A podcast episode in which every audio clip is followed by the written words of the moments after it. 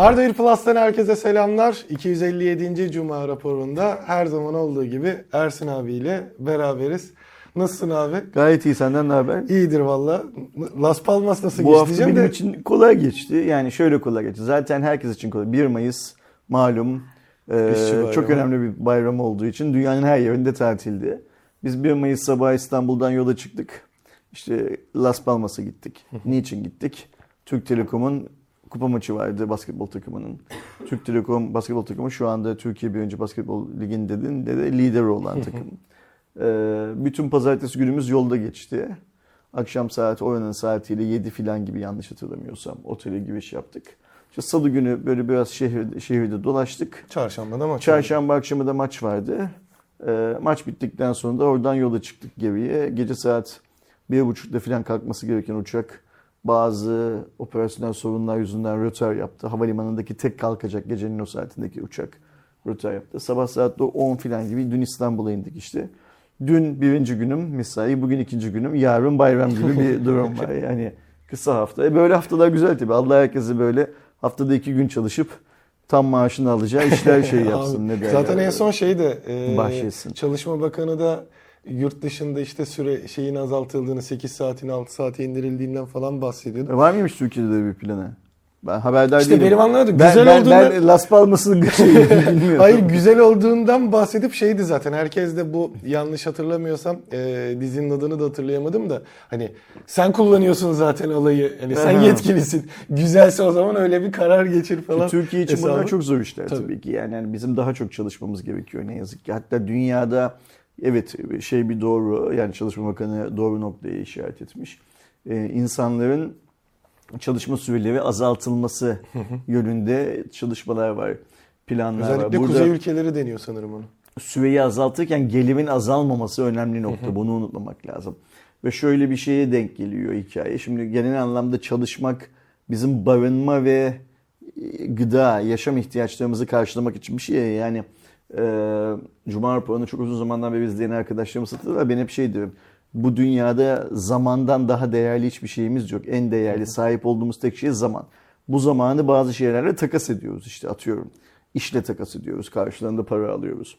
Sevdiklerimizle takas ediyoruz. Karşılığında sosyalleşiyoruz. Bilmem ne filan gibi. Ya, her şeyi böyle düşünüyoruz. Sahip olduğumuz tek şey zaman aslında. Şimdi senin söylediğin gibi Japonya'da başlayan sonra kuzey ülkelerinde denilen Amerika'da bir iki tane akademik çalışma sonunda e, şey olduğu uygun olabileceği düşünülen bir sistem var. Nedir o?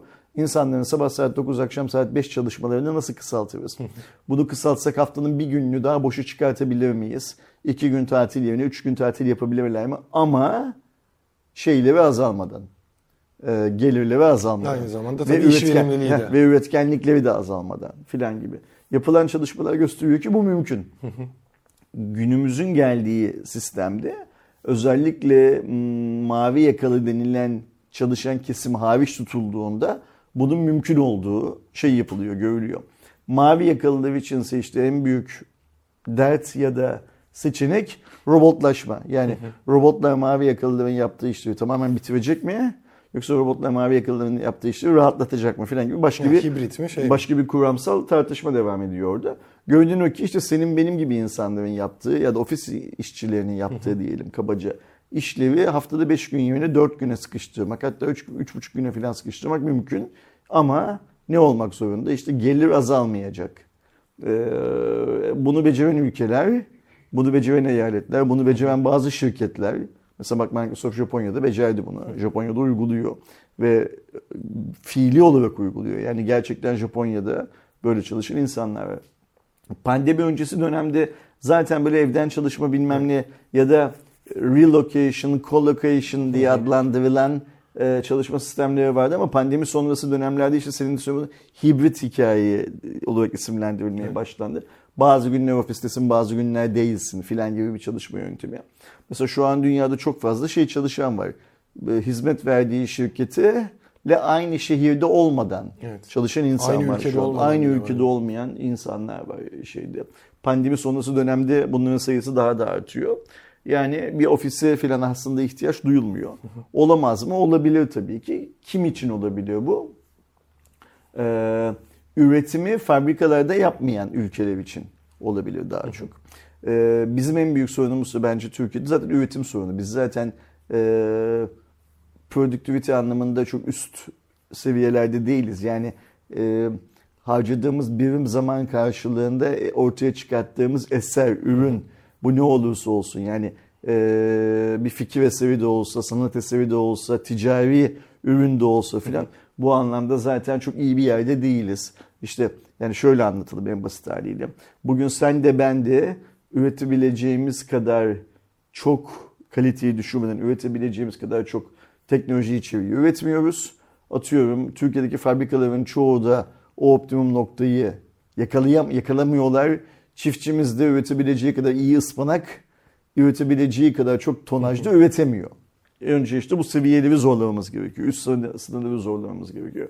Ondan sonra neden olmasın ama Türkiye'de olursa bu hikaye mesela benim görebileceğim bir dönem zamanda olmaz büyük bir ihtimalle. Tabii yani o yani Ben hep söylüyorum. Globalde de ben ayarlanması 50 yaşındayım. İşte bugünden sonra herhalde bir 20 yıl falan daha yaşıyorum. Yani önümüzdeki 20 yıl içinde haftada 4 gün mesai falan düşmez bu ülke diye tahmin ediyorum. Keşke düşse tabii ki. Ee, ama hani bu şeyle alakalı. İnsanların biraz da kendilerinin ne iş yaptığını bilmeleriyle alakalı. Kendilerinin e, görevlerinin ne olduğunu çok çok iyi tabii. Mesela Türkiye'de şeyi de kabul etmek lazım. Birçok çalışanımız yani senin benim gibi arkadaşımız kendi yaptığı işin tanımlarını çizemez durumda. Sorumluluğunun ne olduğunu, nerede başladığını, nerede bittiğini. E, Hani biz hep böyle hizmet sektöründeki arkadaşlardan şikayet ediyoruz ya. Hizmet sektörü dediğimiz zaman da niyeyse izleyenlerin aklına hep böyle garsonlar falan geliyor ama değil aslında. Yani bugün taksiciler de hizmet sektörü. Evet. Hatta kamunun e, vatandaşla temas eden e, temsilcileri yani mesela nedir o? Atıyorum belediyede işte veznede vergi alıp şey yapan çalışan da öyle. Belediyenin zabıtası da öyle. İETT şoförü de öyle. Yani toplu taşıma şoförü de öyle. E, tabii ki garsonlar yani restoranda çalışan filan arkadaşlarımız öyle. Ama hizmet sektörü çok geniş bir sektör dünyada. Yani Ee, insanlığı karşılıklı yani birebir tutumda olup e, ona karşı bir hizmet edildiği herhangi bir A- a- sektör a- aslında. Aynen öyle. Şey, Ve bu insanların büyük bir çoğunluğu Türkiye'de iş tanımını yap dediği zaman kendi iş tanımını yapamaz durumda. Çünkü bir de biliyorsun Türkiye'de şey var ya böyle İngiliz şakası şey İsviçre şakası gibi çalışan istiyor bazı patronlar. Yani yeri geldiğinde CEO da olsun, yeri geldiğinde şey de olsun değil mi? Hamal da olsun. Aynen. Yani hani yeter ki benim bir CEO'ya ekstradan maaşıma maaş vermeme gerek kalmadan e, bu arada küçümsemiyorum ama hammal maaşıyla onu da evden çıkartayım falan gibi bir şey. O yüzden hani biz daha e, sanayileşmenin çünkü bunların hepsi sanayileşmenin getirdiği şeyler aslında normlar. Yani e, maaşların artması da böyle bir hikaye. Sen daha çok üretmeden daha çok maaş alamazsın filan teorisi var ya. Bu öyle bir hikaye. Biz daha Türkiye'de o sanayileşmenin getirdiği e, bu tarz tanımlamaları çok iyi yapabilmiş durumda değiliz. E, o yüzden de hani çok zor. Ama tabii ki Sayın Bakan'ın artık gider ayak mı demek lazım yoksa hani kalacaklar mı ne olacağını bilmiyoruz ama böyle bir dönemde bunu dile getirmiş olması dikkati çeker muhakkak tabii ki. Senin, ben görmedim dediğim gibi yurt dışında olduğum için. Sen görmüşsün birçok insan da görmüş. Anladığım kadarıyla insana tepkileri de vermişler. yani böyle bir şey olarak. yani çalışmayı sen şey yapabilirsin. Yani şimdi bunu geçen hafta konuştuk burada seçim vaadi olaylarını. Yani seçim vaadi dediğimiz şey eğer hep söylüyorum Binali Yıldırım'ın Ekrem İmamoğlu'yla yarıştığı İstanbul Büyükşehir Belediye Başkanlığı seçiminde söylediği gibi seçimden önce söylenilir, seçimden sonra unutulur sisteminde vaatlerse bizim ilk önce vatandaş olarak bu vaatlere karnımızın tok olduğunu her türlü siyasetçi yani iktidardakine de muhalefettekine de kabul ettirmemiz lazım. Yani onlara şeyi söylememiz lazım. Biz bu numaraları yemeyiz. Bugüne kadar atalarımız, babalarımız, annelerimiz, dedelerimiz yediler. Bundan sonra bize yediremezsiniz. O yüzden bize böyle boş seçim vaatleriyle gelmeyini anlatabilmemiz lazım. Nasıl anlatacağız? Belli ki şu an Türkiye'deki hali hazırdaki siyasetçi profili zaten bunu anlayacak insanlardan oluşmuyor. O yüzden işte gençlerin siyasete katılması gerekiyor. Mesela işte önümüzdeki hafta seçim var değil Evet. mi? Bu seçimde kimi neyi seçeceğimize baktığımız zaman öyle çok büyük bir gençleşme görmüyoruz zaten şeyde. Ee, yani bazı böyle ihtiyar figürler var ortamızda şimdi. Biliyorsun ben şeydi İmamoğlu'nu falan da yaşlı buluyorum. Yani hani e, o Türkiye'nin böyle genç bilmem nesi falan gibi lanse ediliyor ama bence e, Ya Türkiye şey- standartlarına göre genç. o, işte o Türkiye'nin standardı kötü bir standart. Çünkü Türkiye'nin mesela enflasyon standartına bakarsan da bir Japon'un ömrü hayal yani Türkiye'nin son 50 yıllık enflasyon standartına bak. Japonya'nın 100 yıllığına bak, Almanya'nın 100 yıllığına bak falan. O standartla o standart uymuyor. Yani Kesinlikle. hani biz kendi çöplüğümüzde iyi olduğumuz zaman iyiyiz anlamına gelmiyor. Çünkü dünya artık global bir çöplük. Yani bunu kabul etmek lazım. Ee, bu seçim ne yazık ki bence bizim bu arzuladığımız ya da en azından benim arzuladığım bizi temsil edecek insanlardı, politikacılardı ki gençleşmenin önünü açacak bir seçime benzemiyor. Aynı zamanda benim yine aday listelerimden gördüğüm kadarıyla e, kadın se- adaylar konusunda da çok büyük bir şey yok. E, gelişmesi yok Türkiye'nin. E, ama bu seçimin başka başka bazı özel değişiklikleri var tabii ki. E, gönlüm ister ki Türkiye'yi daha genç insanlar yönetsinler ve daha genç insanlar yönettiği zaman da bu boş seçim vaatlerini e, den vazgeçsinler. Yani gerçekler üzerinden konuşalım. Şimdi nedir o gerçek?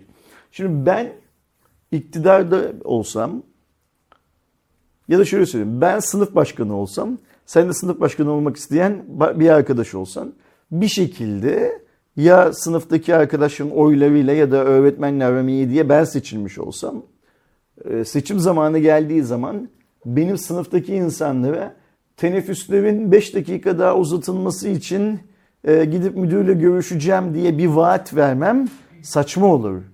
Sınıfa Çünkü ben- havuz yaptıracağım. Ha, Böyle yani çünkü de ben, vardır ben- ya. ben bunu zaten yapmış olmalıyım. Eğer sınıfın böyle bir arzusu varsa, böyle bir ihtiyacı varsa ben bunu zaten yapmış olmalıyım. Ya hayata geçmiş olmalı ya da niçin hayata geçmediğini anlatmış olmalıyım sınıftaki insanlara. Bunu muhalefette olan senin söylemen gerekiyor. Ama sen de nasıl söyleyebilirsin bunu? Ersin eğer sınıf başkanı olarak bu girişimde bulunmadıysa biz bu girişimde bulunacağız diye söyleyebilirsin. Bu o zaman dolu bir seçim vaadi olur. Ersin bu girişimde bulunduysa girişim bilmem nerede mesela nereden döndü? Müdür de onay verdi diyelim ki. İl Mi- Milli Eğitim Müdürlüğü'nden döndü. O zaman senin şunu söylemen gerekiyor. Biz bu işi İl Milli Eğitim Müdürlüğü ile çözemezsek doğrudan Milli Eğitim Bakanlığı ile çözeceğiz. Tekrar gündeme getireceğiz diyor olman lazım. Yani seçim vaadi dediğimiz şeyi e, takip edilebilir, sürdürülebilir ve sonuca gitmesi mümkün bir şekilde vatandaşa anlatmak gerekiyor. Yoksa işte sınıfa havuz yaptıracağım. Ya mesela Sayın Çalışma Bakanı eğer hani bu daha az çalışma hikayesini böyle dile getirdiyse e, yapsaydın abi o zaman. Yani niye bana böyle yani şimdi e, ben böyle söylediğim zaman mevcut iktidar partisine oy veren insanlar bana kızıyorlar ve işte bazen yorumlarda o işte CHP'li bilmem ne filan diyorlar. Ben 50 kere söyledim ben CHP'li değilim. Ha ben muhalif bir adamım muhalif mevzu. Kısmetse bundan sonraki iktidara da muhalif olacağım. Buna muhalif olduğum, bundan öncekine muhalif olduğum gibi. Ayrı mevzu. Ee, ama bence şu anda Türkiye yöneten iktidarın e, ekonomiyi düşürmeyi vaat etmesi, e, demokrasiyi daha de, çok demokrasiye sahip olacağımızı söylemesi, işte atıyorum yediğimiz domatesteki e, zehirli maddeleri arındıracağından bahsetmesi filan bunlar çok saçma şeyler. Çünkü niye saçma biliyor musun? Biz 21 yıllık bir iktidar döneminden geçtik, geçiyoruz.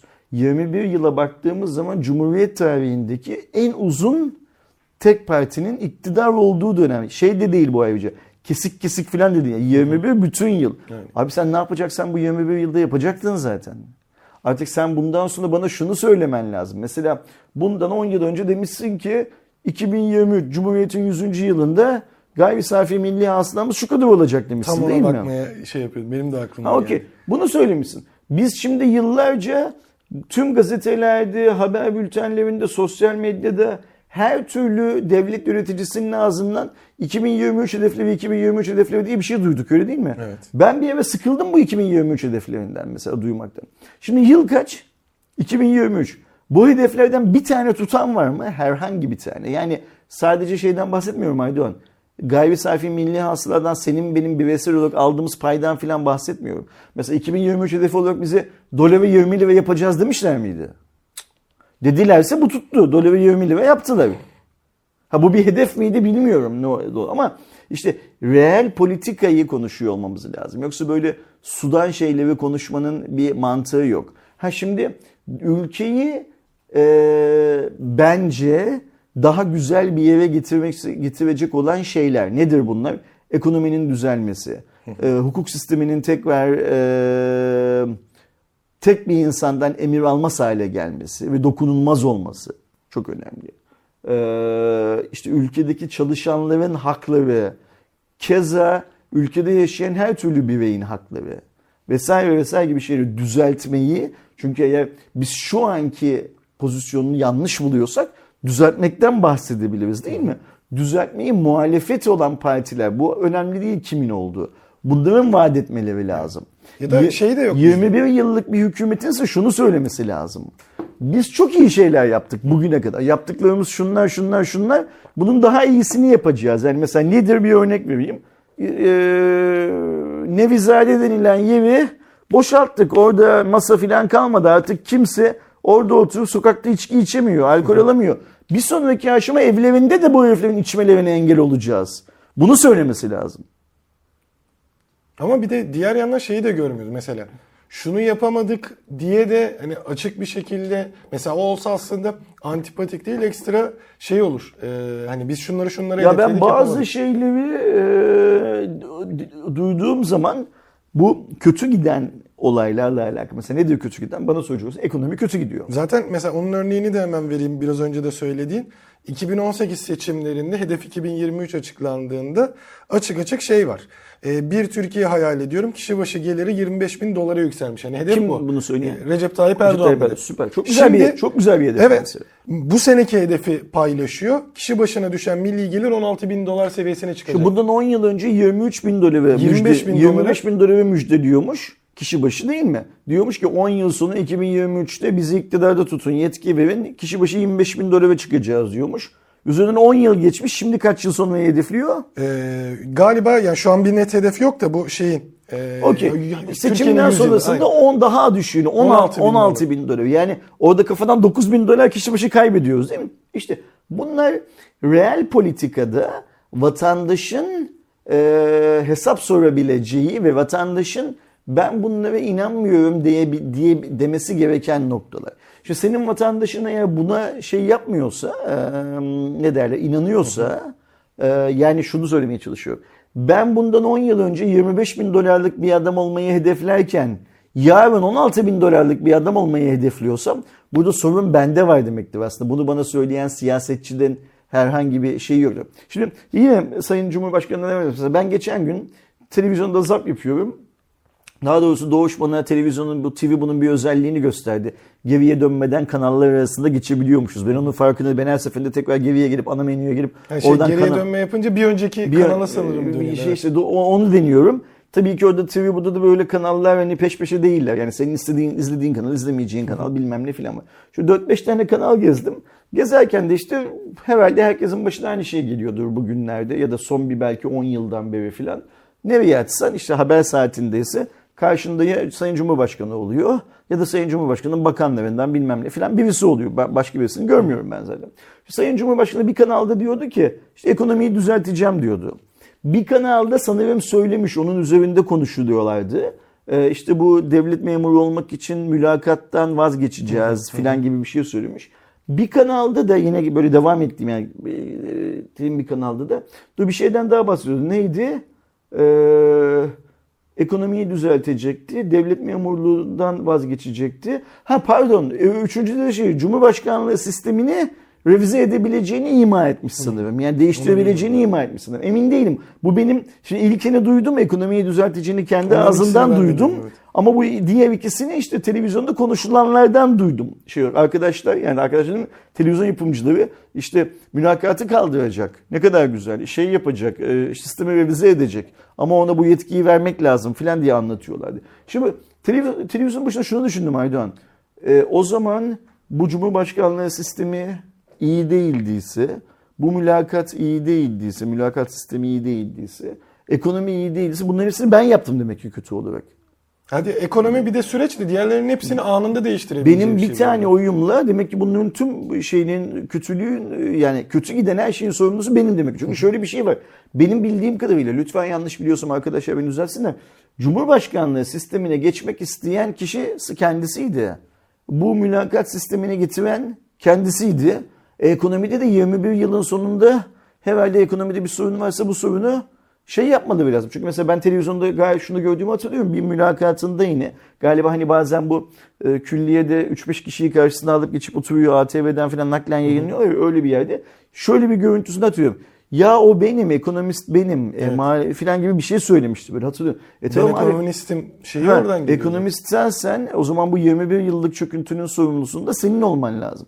Ve o yüzden ben diyorum ki herhangi bir iktidar, örnek verelim günümüzdeki iktidar, herhangi bir vatandaşı, örnek verelim Türk vatandaşına ya da Türk vatandaşı bana e, ben ekonomiyi düzelteceğim, e, bu mülakat sisteminden vazgeçeceğim ya da değiştireceğim, e, başkanlık sistemini de revize edeceğim diyorsa benim ona seçmen olarak abicim senin bunları yapmak için 21 yılın vardı.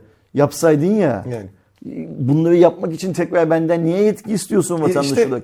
Bu yetki zaten senin söylediğin gibi senin elinde yok mu yani? Sen bir gece bir kağıtın altına imzalayarak bunu şey yapamıyor musun? Ee, hadi senin söylediğin gibi ekonomi neyse de orada da tabii ki çok yapabileceği şeyler var da bu diğer ikisini revize edemiyor musun? Yapman lazım senin bunu. Bugüne kadar yapman lazım. Senin bana şimdi şeyle gelmen gerekiyor aslında. Biz atıyorum 25 bin dolara hedefimizi 50 bin dolara çıkartıyoruz. Siz beni bir 21 yıl daha şeyde tutun, iktidarda tutun. Size şu anda 25 bin dolarlık insanlar haline getirdim her birinizi. Ben bu ülkeyi devraldığım zaman hepiniz yıllık 6 bin dolarlık adamlardınız, 7 bin dolarlık adamlardınız. Bir 20 yıl daha bana bu şans verin ben sizi 25 bin dolardan 50 bin dolara çıkartacağım demesi lazım. Düzelteceğim doğru değil. Ya da mesela bu devlet memurluğu olma hikayesinde bir yanlışlık bir şey, bir şey varsa biz devraldığımız zaman bu ülkedeki hiçbir devlet memuru görevini yapmıyordu. Hiç kimse ne iş yaptığının bile farkında değildi. Ve biz 3 liralık işi tüm dünya, Türkiye'deki 3 liralık işi toplam 33 bin tane devlet memuruyla yapıyorduk. Şimdi 500 liralık iş üretiyoruz ama 20 bin devlet memuruyla üretiyoruz. O kadar iyi seçimler yaptık ki, o kadar iyi insanları işe aldık ki devlet memuru olarak. Kamunun sırtındaki yani sizlerin vergisiyle oluşan havuzun sırtındaki maaş yükünü şu kadar azalttık. Hizmetlerin kalitesini bu kadar yükselttik. Bana bir 21 yıl daha verirseniz hepsini robotla çözeceğim bu işlerin. Hiç size bir maliyeti olmayacak. Böyle olduğu zaman da vergileri düşüreceğim. Öyle ya o insanlar vergileri düşüreceğim bilmem ne yapacağım falan diye. Başka bir teklifle gelmen lazım. Üçüncü olay neydi? Cumhurbaşkanlığı sistemi. Ha okey mesela bu anlaşılabilir. Şöyle anlaşılıyor. Bu Cumhurbaşkanlığı sistemine geçmeyi sizden ben istedim. Geçerken kafamdaki sistem bu değildi. Şu an aksadığı bazı yönleri görüyorum. Bunları revize edeceğiz. Aksadığı yönler de şunlar şunlar şunlar şunlardır. Hangi açıdan aksadığı da budur. Bunları da revize edeceğiz. Bunları revize ettiğimiz zaman size daha önce bahsettiğim e, sözlerimi çok daha kolay, çok daha hızlı, çok daha konforlu ve kimseyi üzmeden, ezmeden yerine getirme şansım olacak dersen o zaman ben seçmen olarak senin söylediğini dinlerim. Ama öbür türlü e, dinleyemiyorum, kabul edemiyorum bu hikayeleri. İşte e, seçime bir hafta kala herkesin şey yapması lazım, e, buna bakması lazım. Yani kim sana ne vaat ediyor ve senin önceliğin ne? Bu da çok önemli. Yani senin önceliğin eve domates götürmek olabilir tamam mı? Şeyden bahsediyorlar ya soğandan bahsediyor. Boş ver soğan. Domates götürmek olabilir. Ucuz domates mi götürmek istiyorsun Aydoğan evine? Sağlıklı domates mi götürmek istiyorsun? Yani Rusya'nın, Almanya'nın almadığı, geriye gönderdiği, siz buna kimyasalı basmışsınız, ben vatandaşıma yedirmem dediği domatesi mi evine götürmek istiyorsun? Yoksa hem ucuz hem sağlıklı olanı mı götürmek Tabii ki. istiyorsun? Buna karar vereceksin oy verirken. Ve senin evine ucuz ve sağlıklı domatesi amacın sağlıklıysa, ucuzsa hangisinin, adaylardan hangisinin e, bunu sağlayabileceğine inanıyorsan ona oy vereceksin. Şimdi şunu unutmamamız lazım Aydoğan. Hmm, politikacılar, bu kim olursa olsun, kendileri gönüllü olarak ortaya çıkıyorlar. Bu bir devlet görevi değil yani askerlik bir vatandaşlık görevidir. Politikacı olmak bir vatandaşlık görevi değil. Ve hangi şeyle çıkıyor olmalı? Mesela şimdi şöyle bir an çıksam ortaya. Ulan satacağım, savacağım, onu yapıyorum derken yarısını komisyon olarak alacağım, cebe indireceğim. Kimse de bana bu para nerede diye soramayacak. Yedi sülalemi zengin edeceğim, bana oy verin desem. Sen de çıksan desen ki her şeyi normal yapmamız gerektiği gibi yapacağız filan. E şimdi vatandaşın görüp ikisini e, sana oy vermesi lazım. Vatandaş bana oy veriyorsa orada işte başka bir cahillikten, başka bir gözü karalıktan filan da bahsedebiliriz. Ve bunu e, konuşarak, insanlara anlatarak sadece e, çözebiliriz. Bakın mesela bu videonun sağ alt köşesinde bir rakam var. Sol altta. Sol altta özür diliyorum bir rakam var. Nedir bu rakam?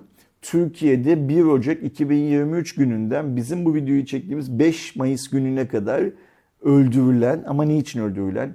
Oğlu, babası, akrabası, kocası filan tarafından namus cinayeti adı altında öldürülen kadınların sayısı. Ve kayıtlara böyle geçen kadınların sayısı. Belki de öldürülen ama kayıtlara böyle geçmeyen başka kadınlar daha var. Bu rakam artıyorsa her hafta işte Türkiye'nin sorunu budur. Bu rakamın artmasıdır. Ee, Türkiye'nin her yerinden neredeyse her gün sahipli ya da sahipsiz sokak hayvanlarına karşı ee, uygulanan sistematik bir terörden bahsediyorsak Türkiye'nin sorunu budur. Keza sokak hayvanı sahipli sahipsiz diğer hayvanlar da insanlara karşı bir tehlike oluşturuyorlarsa bundan da bahsediyor. Bu da Türkiye'nin sorunudur. Yani ben bu sokak hayvanları konusunda biliyorsun birçok insanla aynı şeyi düşünmüyorum. Yani e, ortada görünenden daha büyük bir sorun var orada. Ya da mesela nedir başka bir sorun? Bu videoyu izleyen arkadaşlarımızdan herhangi bir tanesi yurtta kalıyorsa ve bu videoyu izlerken kahvaltı yapamadıysa, öğlen yemeği yiyemediyse, akşam yemeği budur Türkiye'nin sorunu. Senin bu çocuğu anasının babasının yanından alıp herhangi başka bir şehirde üniversite kazandın diye ikame ediyor, orada hayatını geçirmesini sağlıyor olman, o çocuğun mutlu, huzurlu, gelecekten emin olması anlamına gelmiyor. Maalesef. Yani bazı çileler var insanların çektiği. Eğitim de Türkiye'de ne yazık ki böyle bir çile haline döndü. Ee, bu çileleri azaltmaktır Türkiye'nin merhemi. Ve bu çilelerin e, tanımlarını doğru yapmaktır Türkiye'nin en büyük sorunu. Türkiye insanı, Türk vatandaşları bu sorunları tanımlayamadığı için belki de yönetenlerin önüne listeleyip bu sorunları koyamıyor. Nedir yapılması gereken şey? İşte hani en kaba tabiriyle bunu söylediğin zaman komünist diye etiketlendiğin birlikte hareket etme duygusudur. Yani nedir birlikte hareket etme? Öğrenciler birlikte hareket edip bizim karnımız niye aç diye sormalılar. Bizim hocalarımız niçin tutuklu diye sormalılar. Bizim hocalarımız bu okulun bahçesinde bilmem kaç gündür niçin sırtlarında şu binaya dönüp ayakta duruyorlar. Bunun yerine ilim irfan öğrensek, akademik çalışma yapsak daha iyi değil mi diye sormalılar. Nitekim öğrencilerin büyük bir kısmı bunu soruyorlar. Tamam. Ee, eyvallah. Daha çoğu sormalı. Nedir başka bir dert? İşte hayvanlar konusunda neyin yanlış yapıldığını STK dediğimiz yani sivil toplum kuruluşları nezdinde planlayarak kamu yönetenlerin karşısına çıkabilmek gerekiyor. İşte kadın cinayetleri çözülemez şeyler değil bunlar. Çözülür. Çözülmesi lazım. Yani biz niçin mesela her hafta şu cuma raporunu izlerken bu rakamın arttığını görüyoruz. Dünyada mesela nüfusu bizden çok ya da bizden daha az. 5 Mayıs gününde şu rakama ulaşmış başka ülke var mı? Bunlara bakmak lazım. Ve vatandaşın demesi lazım ki ben bunun durmasını istiyorum. Seçilecek olan adamın da ben bunu durduracağım diye gelip durdurup durduramadığının hesabını verecek kadar onurlu olması gerekiyor. O yüzden böyle bir seçime gidiyoruz. Diyorlar ya bu seçim çok önemli falan. Bence hiçbir önemi yok bu seçim. Bir önceki seçimden bir farkı yok. Onda yani Cumhuriyet tarihinde yapılmış hiçbir seçimden bir farkı yok bu seçimin. Çünkü nedir biliyor musun? Seçim vatandaşın kendisine yakışan adımı seçme işidir. Bu kadar basittir. Yani onu seçer, bunu seçer, öbürünü seçer. Hiç fark etmez. Türkiye oy kullanım oranının çok yukarıda olduğu, zaten yasalarla oy kullanmak zorunda olduğun bir ülkedir. Ama buna rağmen işte oy kullanmayan arkadaşlarımız var. Hangi siyasi görüşü te- te- te- tercih ediyor olurlarsa olsun oy kullanmayan arkadaşlarımız var. Ee, bunların oy kullanmaları gerekiyor. Ve bence asıl vatandaş, ben şey hiç bakmıyorum, işin aday tarafına falan hiç bakmıyorum. Asıl vatandaş ne istediğine karar vermeli. Türkiye nasıl bir ülke olacak? Yani bu cumhuriyetin kuruluşunda bu cumhuriyeti kuran adamın işte müreffeh ülkeler diye bir şeyi var, hedefi var. Değil mi? Böyle çok söylüyor, söylemiş adı Mustafa Kemal Atatürk. Müreffeh ülkeler. Müreffeh ülke olarak tanımladığı ülkeler o gün başka ülkeler, bugün başka ülkeler olabilir ama sen bu müreffeh ülkeler arasında mı olmak istiyorsun? Ya da mesela yine Cumhuriyet'in ilk yıllarında hatta Cumhuriyet öncesinde bile yüzünü batıya dönmek diye bir şey çıkmış ortaya. Batı mıdır senin şeyin eee, medeniyet kaynağın? O zaman batıydı hala batı mı? Yoksa bir de şey vardı tabii ki biliyorsun. Eee, doğuya doğru giden bir trende batıya doğru koşanlar muhabbeti vardır. İşte, bu musun? Neyi hedefliyorsun? Neyi arzuluyorsun? Ve senin arzuladığın şey her ne olursa olsun eee, bunu yapacak olan adamlar samimi mi? Bunu yapmaya niyetli olan adamlar samimi mi? Buna bakman gerekiyor. Yoksa ben seçimden sonra işte önümüzdeki hafta Cuma günü galiba biz Cuma raporunu çekerken seçim yasakları başlamış oluyor galiba. Konuşabilir bu miyiz? hafta şey, Şey, olarak başladı. O şey başladı. şeyleri, anket, anket yasağı sonu, başladı. anket yasağı. Önümüzdeki haftada galiba tamamen seçimle ilgili konuşmak ya da cuma akşamı mı başlıyor? Tamam emin değilim. Her neyse. Ya burada önemli olan şey sandıktan Ali mi çıktı, Veli mi çıktı değil. Sandıktan bütün Türk milletinin memnun olacağı bir sonucun çıkması.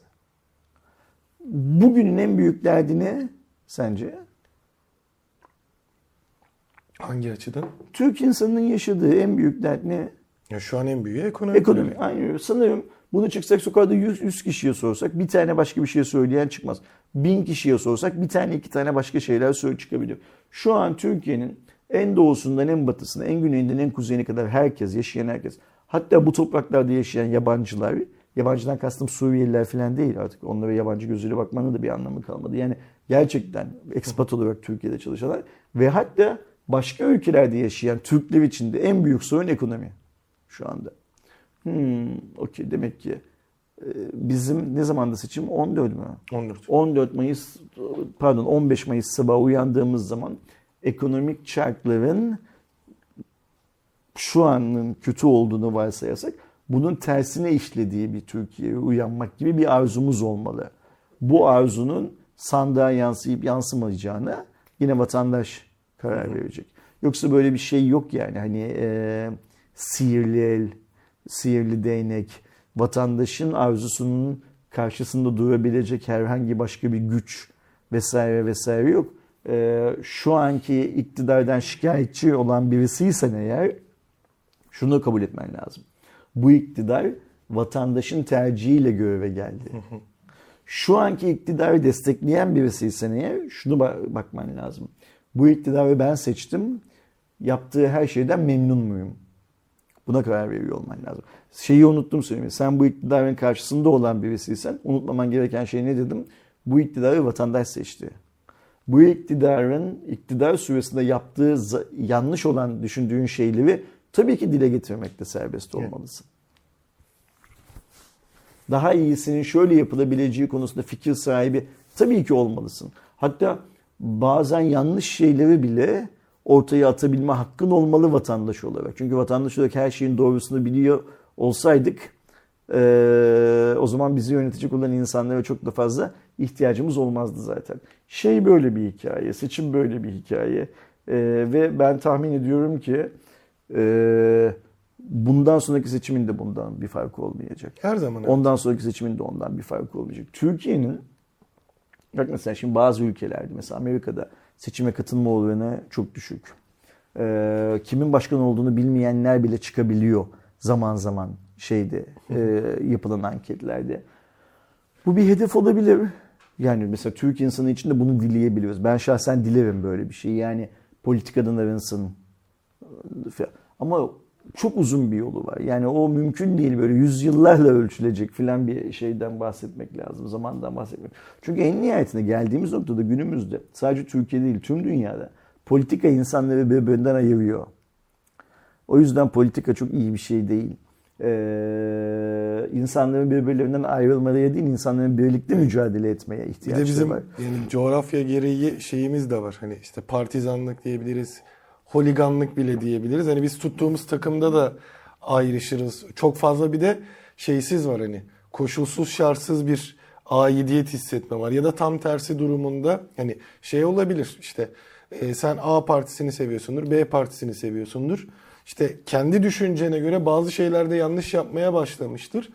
Ve artık bu düzelmiyordur örnek vereyim. Ya işte bunların hepsi aslında eğitimle alakalı ama dönüp baktığımız zaman dünyanın birçok şey- ülkesinde de bu hikaye var şey. Bak mesela şimdi sen dün bir tane video çektin. Var mı video burada işte? Kamera canavarı ofiste Honor Magic 5 Pro kutu açılımı değil mi?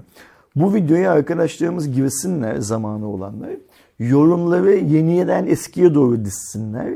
Yani böylece en alttaki yorumlar ilk yapılan yorumlar haline gelsin. İlk bir 10 yoruma baksınlar mesela. Türkiye'de satılacak mı sorusu var bu yorumlarda. Ve satılacağını iddia edenler var. Niye bunu söylüyorum biliyor musun? Onları eskiden yeni, yeniden eskiye doğru dizip en aşağıya bakarken videoda yürüsün. Sen 15. ya da 20. saniyede Hanır Türkiye yetkililerinin siz, bize verdiği bilgiye göre bu cihazın Türkiye'de satılmayacağını söylüyorsun. Yani o video kaç dakika? 11 dakika. 11. dakikada söylemiyorsun bunu. Yani izleyen arkadaşımız dakikada olmadan 11 neredeyse. dakikaya kadar beklememiş, sabredememiş. Telefonu çalmış, çişi gelmiş, karnı acıkmış falan değil yani. İlk 15 saniyede mi, ilk 20 saniyede mi ne söylüyor? Hadi ilk bir dakikada söylüyorsun bunu. Adam onu bile dinlememiş. Satılacak mı diyor. Birisi de satılacak diye bilgi veriyor. Etkinlik yaptılar diyor Türkiye'de. Satarlar tabii Orada ki diyor. sergilediler diyor. Yani, Yani, e, oradaki mantık doğru da işte yani herkes söyledi Şimdi mantığın şey. doğru olması başka bir de reel bilgi var Aydoğan. Yani orada şey var, Aynen aynen. öyle yani. Şimdi mesela şöyle bir hikaye var. Ee, adam, adam kim burada? Hanır Türkiye. Bu cihazı Türkiye'de satmayacağını söylemiş değil mi? Aynen. Satılmayacak bu cihaz. Yani bugünün bilgisi satılmayacak. Yarın başka bir şey olur. Fabrikada bir üretim fazlası olur. Başka bir ülke siparişi keser. Ee, şu cihazı çok GT2 daha ucuz şey fiyata. Türkiye'ye getirme şansı doğar filan filan. Getirir. Çok haklısın. Seneye aynen Realme'nin yaptığı gibi bunu daha ucuza Türkiye'ye getirmenin yollarını bulurlar. Getirirse ama bugünkü düşünceleri benim anladığım kadarıyla bunu Türkiye'de satmak değil. Onun yerine X9 adam. Ha bak Honor 70'ten bile çok bahsetmiyorlar konuşurken. Ki Honor 70 bence kağıt üzerinde çok düzgün bir telefon olmasına rağmen X9'lar demek ki Türkiye'de çok fazla X9'lar stoğu var ve bunu üretmek istiyor, eritmek istiyor. Ya da bu şey demek değil, az sattı demek değil. Çok satmıştır ama çok getirmişlerdi filan gibi. O yüzden hani dünyanın her yerinde ne yazık ki hani şey diyoruz ya bilgi sahibi olmadan fikir sahibi olan işte var Türkiye'de de var. Ee, yani bu videonun altına ya da başka bir videoya bunu soranlar ya da mesela bir- sadece bizim değil birçok videonun altında cihazın teknik özelliğini soranlar var. Yani videoda olan bir özelliğini ve onu oraya yazacağına gidip Google'a yazıp enter'a bassa o sonucu X, Y, Z bir yerden şart- değil bizden alması. Çünkü o bir şey bilgi. Değişmez salt bilgi. O alacak onu yani bu şey gibi demirin simgesinin FE olması gibi değişmez bir bilgi. Aynen. Alacak o bilgiyi. Nereden alırsa alsın alacak o bilgiyi. Bunu bile yapmayan ve bunu yapmadığı için de mesela şeyler de öyle. Mesela ben Huawei videolarının altında filan şey yapıyorum. Google servisleri olmadan alınmaz. Abi bıkmadınız mı artık şundan yahu? Ya adamları almışlar çatır çatır çatır, çatır kullanıyorlar yani. Ve adam diyor ki hiçbir derdim yok diyor. Ha bu şey demek değil tabii ki yani Google servisi olmasın demek değil. Yani olsa belki daha efektif kullanacak. Yani Ama mesela ben şeyi de çok anlamıyorum. Zamanında Sokakta Mediatek işlemci yürüyen- alınmaz olayı. Sokakta yürüyen standart bir adamın Google servislerine niye bu kadar çok işi olur? Google Zaten servis- hani bir de şey Google- Google servislerini çok efektif kullanan biri de e, zaten hani ona göre tercihini yapıyor oluyor. Yani bunda Google servis olmadan alınmaz demiyor yani. Zaten Tabii hani ki kullanacağını Google, biliyor bir şekilde. Google kullanıyor. anan mı baban mı? Yani yemeğini Google mu veriyor? Maaşını Google mu ödüyor? Yani niye mesela bu kadar şeysin? Bağımlısın Google servislerine. Çin'de bir milyardan fazla adam Google servisi olmadan yaşıyor. Dünyanın geri kalan bir coğrafyasında da birçok insan te- kendi özgür tercihiyle Google servislerini kullanmamayı tercih ediyorlar. Evet. Niçin bu kadar Google servis? O yüzden işte bunların hepsi belli oranlarda ya cahilliğin ya da bu şey vardır ya ben en iyisini bilirim Evet. hikayesi vardır ya. Onun şeyi. İşte senin söylediğin fanatiklik. Ya futbol takımı tutar gibi cep telefonu markası tutanlar Her var. şeyde var. Şeyde. İşte parti Futbol tutan takımı var, tutan şeyler. aynen öyle. O yüzden şu şeyi yine söyleyelim ve Cuma raporu çok uzun tuttuk. Cuma raporuna başlayalım. Ee, ananızın, babanızın, amcanızın, dayınızın oy verdiği adama oy vermek zorunda değilsiniz. Tabii ki. Siz bir bireysiniz. Ve dünyada her bireyin ihtiyaçları, bakış açıları bilmem ne filan filan birbirinden farklı olabilir. Bu çok Ki normal. şey örneği mesela çok güzel. Hani onun tabii ki e, sosyal medyada esprisi falan da yapıldı da işte yurt dışı oyları başladı. Yurt dışında biri mesela işte Tuğra'lı bir şey e, yüzük takap biri yüzüğünü koymuş, şeyin fotoğrafını çekmiş. E, meclis için tipe, başkanlık için de Sinan Oğan'a vermiş. Hani e, insanlar ne, bunu- ne, ne büyük bir çelişki gibi görünüyor Evet evet. değil Hani mi? mesela demek ki hani mecliste tipin kendisini e, savunabileceğini e, düşünüyor. Başkanlıkta da dört adaydan Sinan Bence dünya üzerinde tartışılmayacak bazı gerçekler var. Bu gerçeklerden bir tanesi kim olursa olsun sen ben bu videoyu izleyen ya da o bahsettiğimiz arkadaşımızın siyasi parti tercihi. Bunu tartışmaya hiçbirimizin şeyi yok ne derler yetkisi yok. Beğenip beğenmediğimizi söyleyebiliriz tabii ki ama tartışamayız bunun doğruluğunu, iyiliğini, kötülüğünü. Cinsel tercihler tartışamayız burada herhangi bir şeyi dinle ilgili o insanların ilişkileri yani dindar olması, dinsiz olması, inanması, inanmaması falan tartışamayız bu hikayeleri. Böyle tartışılmayacak bazı gerçekler var dünyada. Şimdi bu söylediğin hikayeyi ben de gördüm. Doğru olup olmadığını bilmiyoruz her şeyden önce. Ee, benim kendi görüşüm faydalı bir paylaşım değil. Hiçbir şey hiçbir şey anlamam. Çünkü şöyle bir hikaye var Doğan. Dünya zaten yeterince algılar üzerine dönüyor. Gerçekler algıların gerisinde kalıyor çok fazla. O yüzden algı yaratacak olan her şeyin bence karşısında durmak gerekiyor. Yaratılan algıyı beğensek, o algının taraftarı olsak bile.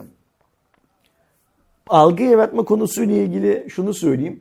Dünyadaki en büyük algı yaratıcısı medyadır. Tabii ki. Hele hele bu dönemde sosyal medya artık. Günümüzde de sosyal zaten medya şey, haline gelmiş. Cambridge Analytica O, o yüzden medya okur yazarlığı, benim bas bas bağırdığım sosyal medya okur yazarlığı çok çok önemli. Biz okuduğumuz gazetenin, takip ettiğimiz kişinin hangi marka deterjan alacağımıza, hangi siyasi partiye oy vereceğimize karar vermesine izin vermemeliyiz. Hani robotlardan korkuyorlar ya. Eğer onların karar vermesine izin verirsen sen bu sefer organik bir robot haline gelirsin zaten. Aynen öyle. O yüzden e, benim gönlümden geçen, Türkiye üzerinde gönlümden geçen şey mümkün olduğu kadar çok sayıda genç arkadaşımızın, özellikle genç arkadaşımızın sandığa gidip canları kime istiyorsa, kimi doğru buluyorlarsa ve hatta belki bir yıl sonra, bir gün sonra atıyorum evlendikten sonra, çoluk çocuğa kavuştuktan sonra son nefesini vermeden 5 dakika önce falan pişman olabilme riskini de göze alarak doğru bildikleri adaya oy vermeleri. Ben kendi açımdan şunu söyleyeyim, bir kez daha söyleyeyim. Ee, Kerem'le çektiğimiz videoda bahsetmiştim. Ben bugüne kadar işte dedim ya 50 yaşındayım. 20 yaşından beri galiba denk düştükçe oy kullanıyorum. Bir kere kazanan adaya oy verdim. O da İstanbul Büyükşehir Belediyesi seçimlerinde Ekrem İmamoğlu'na verdiğim, iptal edilende de bir öncekinde de her ikisinde de verdiğim oydu. Onun dışında oy verdiğim herkes ee, kazanamadı. Hiç kimse kazanamadı. Öyle söylemek lazım. Bugün baktığım zaman çok yanlış tercihlerim var. Geçmişte yaptığım. Ee, muhtemelen atıyorum Allah ömür versin bir 20 yıl 30 yıl sonra baktığımda belki bu şimdi yanlış bulduklarımın bir kısmını doğru, doğru bulduklarımın bir Ya kısmını yanlış bulma normal. ihtimalim var. Ama bunlar hiç dert değil arkadaşlar. Siz kendiniz bugünün yaşadığınız Türkiye'sinde ne yapmanız gerektiğini düşünüyorsa onu yapacaksınız. Ve bunu yaparken de şöyle düşünmeyeceksiniz. Ersin öyle söylüyor, anam böyle söylüyor, babam böyle söylüyor, kız arkadaşım, sevgilim bilmem ne filan filan. O sandık o yüzden kapalı bir ortam. Kendinizle baş başa giriyorsunuz o sandık. Dünyada şu anda kendiniz olabileceğiniz az sayıda yerlerden bir tanesi aslında. tamamen canınızın istediği gibi Evet. davranabileceğiniz az sayıda yerlerden bir tanesi aslında. Kimsenin Kamera yok, bilmem ne yok. Hesap vermek Çünkü zorunda olduğunuz. istemsiz şey yapanlar da oluyor. Sallıyorum eee, şey olarak işte A partisine vermiş ama çevresine B partisine verdim de diyebiliyorlar. Ya Şey- bu ülke ne yazık ki şunları gördü Aydoğan. Bazı işverenlerin o seçim pusulasının fotoğrafını çekme zorunluluğu getirdiğini duyduk. Ve eğer sosyal medyadan anladığımız kadarıyla gördük de gerçek bu. Bazı adı STK olsun, dernek olsun, siyasi parti olsun gibi kurumların oy pusulası fotoğrafı karşılığında insanlara bir şeyler vaat ettiğini de gördük, duyduk, okuduk. O yüzden eee hani kurtulsun insanlar bu Kesinlikle. şeylerden, eee, zorlamalardan ve canları kime neye istiyorsa. Mesela işte biraz önce bahsettiğin arkadaş neydi? Turra yüzüğü vardı değil mi? Yani aslında şey eee, Osmanlıcı, eee, sağcı diyebileceğimiz bir arkadaş. Eee, şeyde kime oy veriyordu? Hmm, Cumhurbaşkanlığı seçiminde. Sinan Oğan'a. Sinan Oğan'a oy veriyor ki böyle bir arkadaşın evvelde Sinan Oğan'a oy vermesi çok garipsenecek bir şey değil, e, davranış değil. Mecliste de tipe mi oy veriyordu? Evet. Yani aslında kendi siyasi görüşlerinin neredeyse taban tabana zıt olduğu e, ya da şöyle söyleyeyim. Turra Yüzüğü ve Sinan Oğan'la birlikte değerlendirdiğimiz zaman karşı platformda bulunacağını varsaydığımız bir siyasi partiye oy veriyor. Süper. Böyle olması lazım. Ha bu arkadaşımız bu beyefendi her kimse yani benden büyüklüğü benden küçüklüğü bilmiyorum. Oy sandığından çıkar çıkmaz pişman olmuş olabilir. Yarın seçimin sonuçları açıklandığı zaman pişman olacak olabilir. 10 yıl sonra 20 yıl sonra pişman olma ihtimali var. Hiç pişman olmama ihtimali de var. Tüm bu Tabii. diğerleri Ya kadar bir hani ihtimal şey bu da. işte mesela e, işte Türkçülüğü, Turancılık e, şeyiyle e, yetişen ya da işte düşüncesi olan birinin e, şey üzerinde baktığında işte e, MHP, İyi Parti, e, Zafer Partisi gibi şeylere verme zorunluluğu yok. O kendi şeyinde der ki Aa, evet buradaki sistemde eleştiren bilmem ne yapan tipe oy vermek istiyorum. Gayet normal ya da işte e, sallıyorum Yeşil Sol Parti'ye veren biri Sinan Oğan'a da verebilir, İnce'ye de verebilir, Erdoğan'a da verebilir. E, bu gayet doğal bir şey. Bizdeki o algının e, şeyi olması lazım işte. Sen kendi istediklerine, e, kendi hedeflerine ya da sana söylenenlerde e, şeydeki aslında girip bakılması gereken şeylerden biri de özellikle meclis için partilerin neler açıkladığı. Girin yani. Senin düşüncen İyi Parti ise İyi Parti'nin sitesine gir. MHP ise MHP'nin Çok sitesine güzel. gir. Bak Bak. mesela bunu da ihmal ediyoruz. Çok haklısın yani. Kimse yapmıyor. Ee, oy vereceğin partinin de neler? Ya mesela ben şeyi yadırgamıyorum. Ona mı buna mı şuna mı öbürüne mi oy verdi? Oy vereceğin partinin de vaadi ne? Bir onu da oku. Çok haklısın. Ve şeyde de çok, bunu kimsenin yapmadığında da çok haklısın. Yani işte bunlar yapılmadığı için zaten holigan gibi şey yapılıyor. Benim söyleyeceğim son şey şu. Söyleyelim ve senin şu ondan sonra katlanabilir e, piksel fold haberine Cuma raporunun ana konusuna girelim. E, gönlünüzü hoş tutun. Yani ona oy verdim, buna vermedim bilmem ne filan filan gibi kendinizi şey hissetmeyin. Kabahatli, suçlu hissetmeyin. Ama o oy verme anına gitmeden önce donanımlı olun. Senin söylediğin gibi. Yani ne de okuyun. Kim sana ne vaat ediyor. Zaten bizim teknoloji yayıncılığındaki düsturumuz da bu. Biz ne diyoruz? Biz hiçbirinize herhangi bir cihazı, herhangi bir markayı, herhangi bir modeli pazarlamak zorunda olan bir yayın değiliz. Biz sizin teknoloji markete gittiğinizde ya da e-ticaret sitesini açtığınız zaman hangisine ihtiyacınız olabileceğini, hangisinin sizi ihtiyaçlarınızı daha çok tamamlayabileceğini karar vermeniz konusunda size yardımcı olmaya gönüllü bir yayınız biz. Yoksa bizim şöyle bir şeyimiz yok. Git şunu al, bunu al, Evet. öbürünü al filan.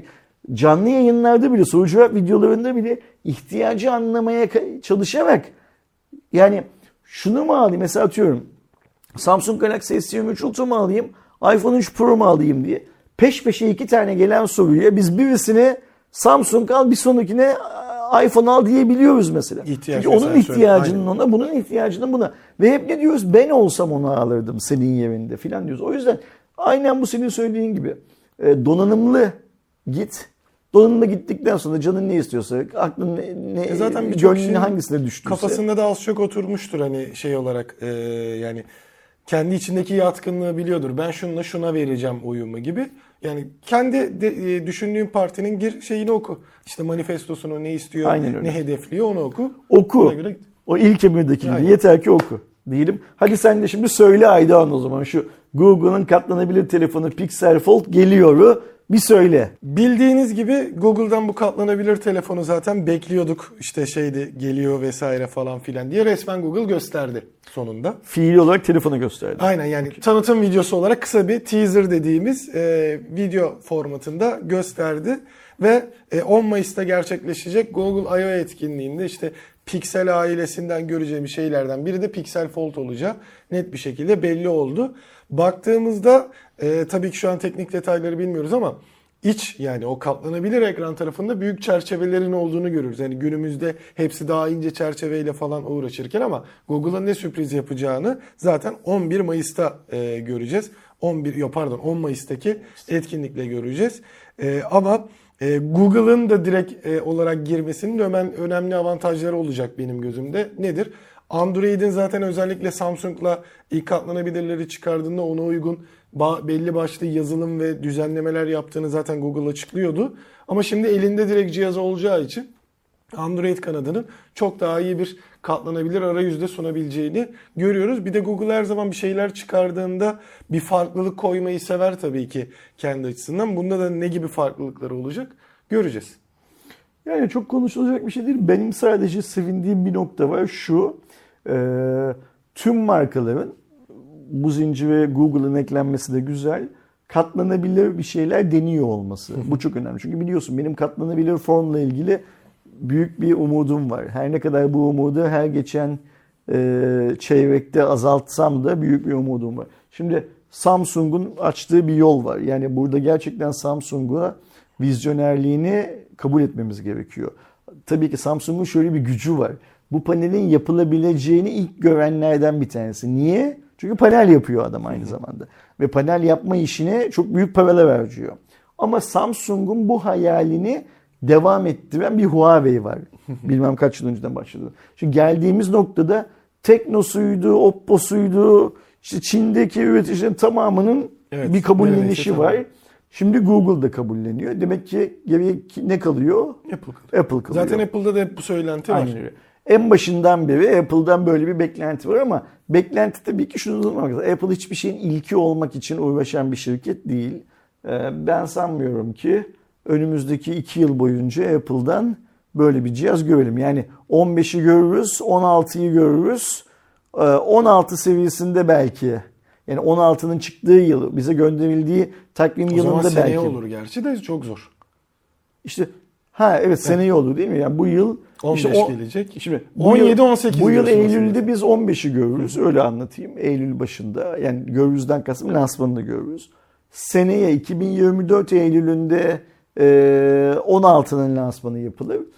O lansmanla Haziran ayı 2025'in Haziran arasında bir yerde Apple'ın katlanabilir cihazı ile ilgili ekstra bir lansman yaptığını ya da işte bu hani standart yaptığı lansmanların birinin içine One more thing diye. onu da eklediğini bence görürüz. Yani yıl kaça gittik? 2024'ün Eylül'ü ile 2025'in Haziran arasında bir zamanlarda Apple'da görürüz. Ama burada önemli olan şey şu Aydoğan. Biz o zamana kadar atıyorum mesela şimdi Tekno'nun ikinci katlanılabilir cihazını, Oppo'nun üçüncü, dördüncü katlı. Çünkü şey mi zannediyoruz? Yani bak şimdi Samsung'da iki model var. Bu iki modelle kalacak mı? E, tabii ki. kalmayacak. Bütün markaların farklı farklı yani farklıdan kastım hani Z Flip Z değil muhtemelen başka bir şey daha gelecek onun yanına. Yeter ki Samsung şeyi görsün. Hani bunun bir gideri varı görsün. Ee, o Samsung yapınca diğerleri de yapacaklar haliyle. O yüzden Apple o zaman bile yine geç kalmış olacak. Geç girmiş olacak. Yani senin o erken dediğin tarihte bile geç girmiş olacak. Beni sevindiren şey bu. Benim genel anlamda piksel cihazlarla ilgili herhangi bir beklentim yok. Başka bir beklentim yok. Çünkü ben e, hep söylüyorum, yine söyleyeyim ve ondan sonra bir sonraki habere geçelim. Google'ın piksel cihazları üretme fikrinin çok başarılı, çok iyi bir fikir olduğunu. Bir önceki formdan daha mantıklı. Neydi o bir önceki formumuz bizim? Nexus. Nexus'lar Google'ın markalarla anlaşıp markaları ürettirdiği örnek telefonlar diye isimlendirebileceğimiz Nexus'lardı. bir önceki formdan daha iyi oldu ama bir önceki formu bitirmemesi, bırakmaması gerekiyordu bence. Onu devam etmeliydi. Oraya fon ayırmaya devam etmeliydi. Pixel'de de en iyi yapmak gibi bir hedefinin olmaması yüzünden ben Pixel telefonlardan herhangi bir şey beklemiyorum. Çünkü eğer Google Pixel'de en iyi yaparsa şunu çok net biliyor. Bugün dünyadaki en büyük müşterisi Google'ın kim? Samsung'la Xiaomi. Aynen. Bu adam da bir üzer. Bu adam da bir kızdırır. Bunu biliyor. Ya zaten o şey yapıyor aslında. Ee, kendi geliştirme ekibine bir şey telefonu çıkartıyor gibi. Ne derler ona? Örnek Örnek- telefon. işte- Ama diğer markanın hiçbirisini de arkadaşlar bakın biz bu örnekle yaptık siz de yapın diye zorlamıyor. Zaten şeyi Apple ne mesela. yapıyor? Kameralar noktasında işte 50 megapikseller, bir inç sensörler şey yapıyor. İşte Google gidiyor onda mesela yapay zeka ile geliştirmeyi gösteriyor. Aslında orada orta seviye ve daha düşüklere bakın hani bu kadar kameraya çalışmak yerine böyle de iyi şeyler çıkartabilirsiniz. Apple ne yapıyor? Bu ekosistemin sahibi benim diyor. Ve herkes bu ekosistemin içindeki herkes benim kurallarımla oynayacak. Kimdir o herkes? Bana lens üreten bilmem ne üreten Samsung'da, LG'de değil mi? Üretiyorlar bunlar.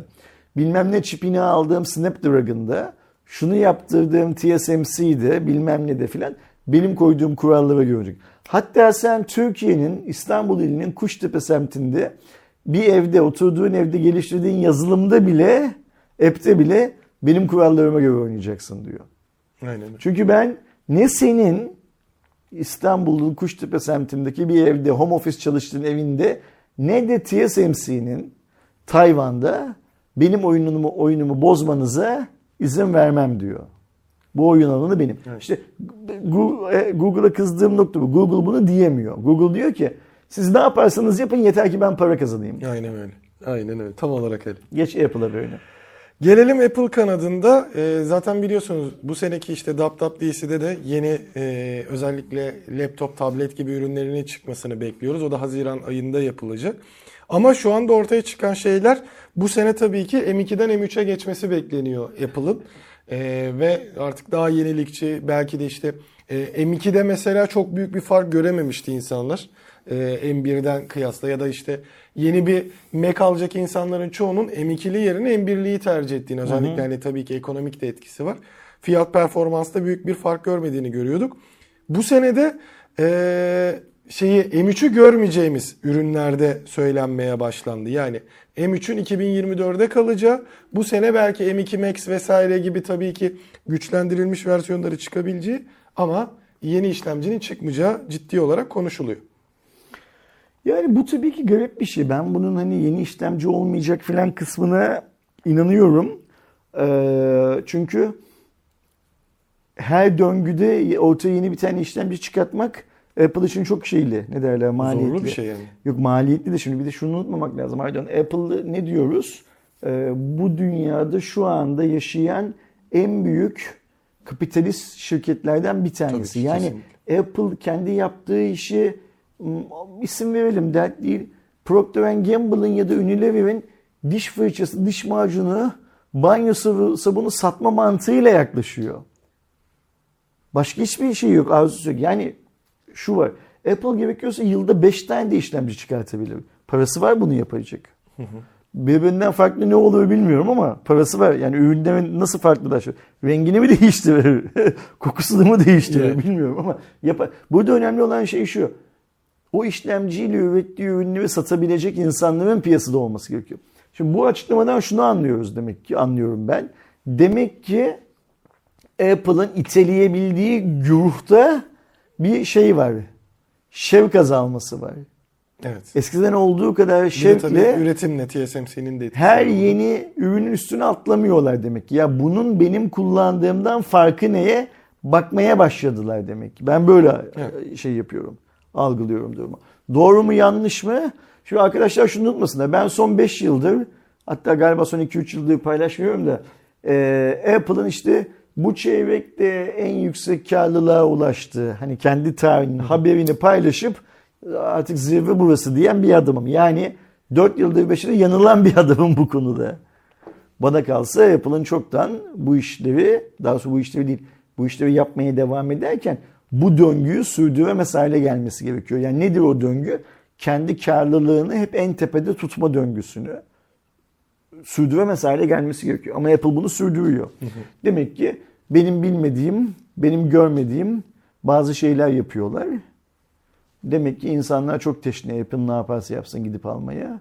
Demek ki ben o Apple hayranları kadar şey değilim. Ee, Apple'ın ayrıca şunu da bak çok büyük çok anlamıyorum. Bunu bana bizim Uğur söylemişti. Şey Asman söylemişti buraya e, deneyim videosu çekmeye geldiğim zaman. Belki de ben Apple'ın ürün satmak satmak üzerine e, kendini odakladığı grupta bir insan değilim. Olabilir. Yani mesela belki de Apple bir hayatı boyunca 10 tane Apple ürünü alabilecek adamı şey yapıyor, segmente hedefliyor. Benim gibi atıyorum 9 tane alacak olan adamı umursamıyor belki de. Bilmiyoruz ne olduğunu. Göreceğiz zamanla. Yani zaten buradaki şeylerden, etkilerden birinin de e, 3 nanometre sürecinde gelmesi bekleniyor zaten M3'ün TSMC tarafından. Bunun hem üretim zorluğu hem işte tabii ki geçtiğimiz artık kalmadı da e, çip krizinin etkileri en azından bir kısmen devam ediyor. Bir de galiba Apple'ın hani e, TSMC kanadına hem e, yeni A17 Bionic çipi hem M3'ü üretme noktasında, ürettirme noktasında sıkıntı yaşayacağı için bu maliyet vesaire de dahil tabii ki. Yani işin içinde karlılık da var.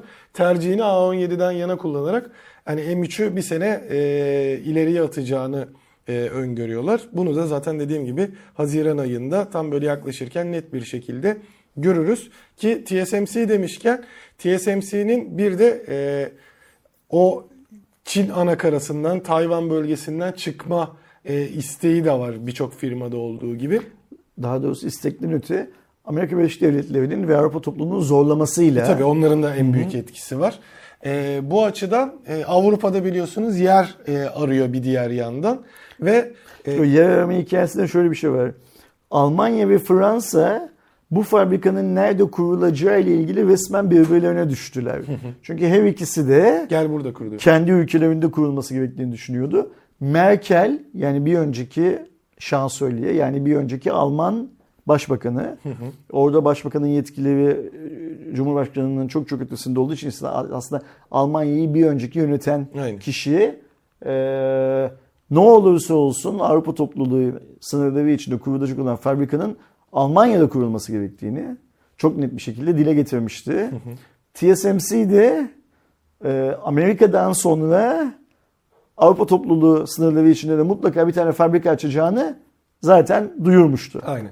Şu anki durumlar Almanya'yı gösteriyor. 11 milyar dolarlık bir e, yatırımla beraber bu kurulacak ve 28 nanometre üretim düğümünü temel alacak.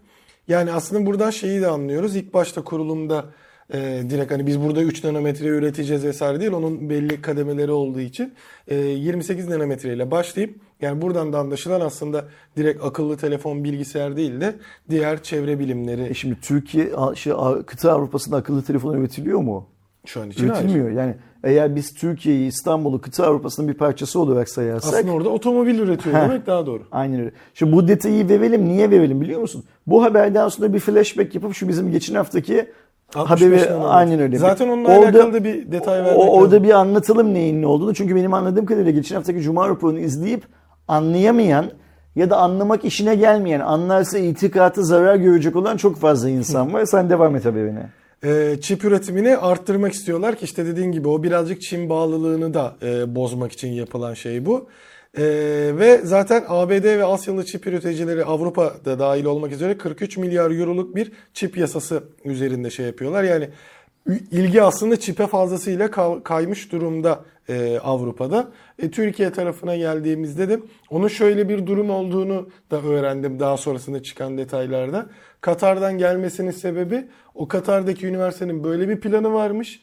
Bunu gerçekleştirememişler. Elde kaldığı için böyle bir e, anlaşma yapılıyor. Yani sadece aslında tedarik noktasında bir ortaklık varmış Katar'la söylenen.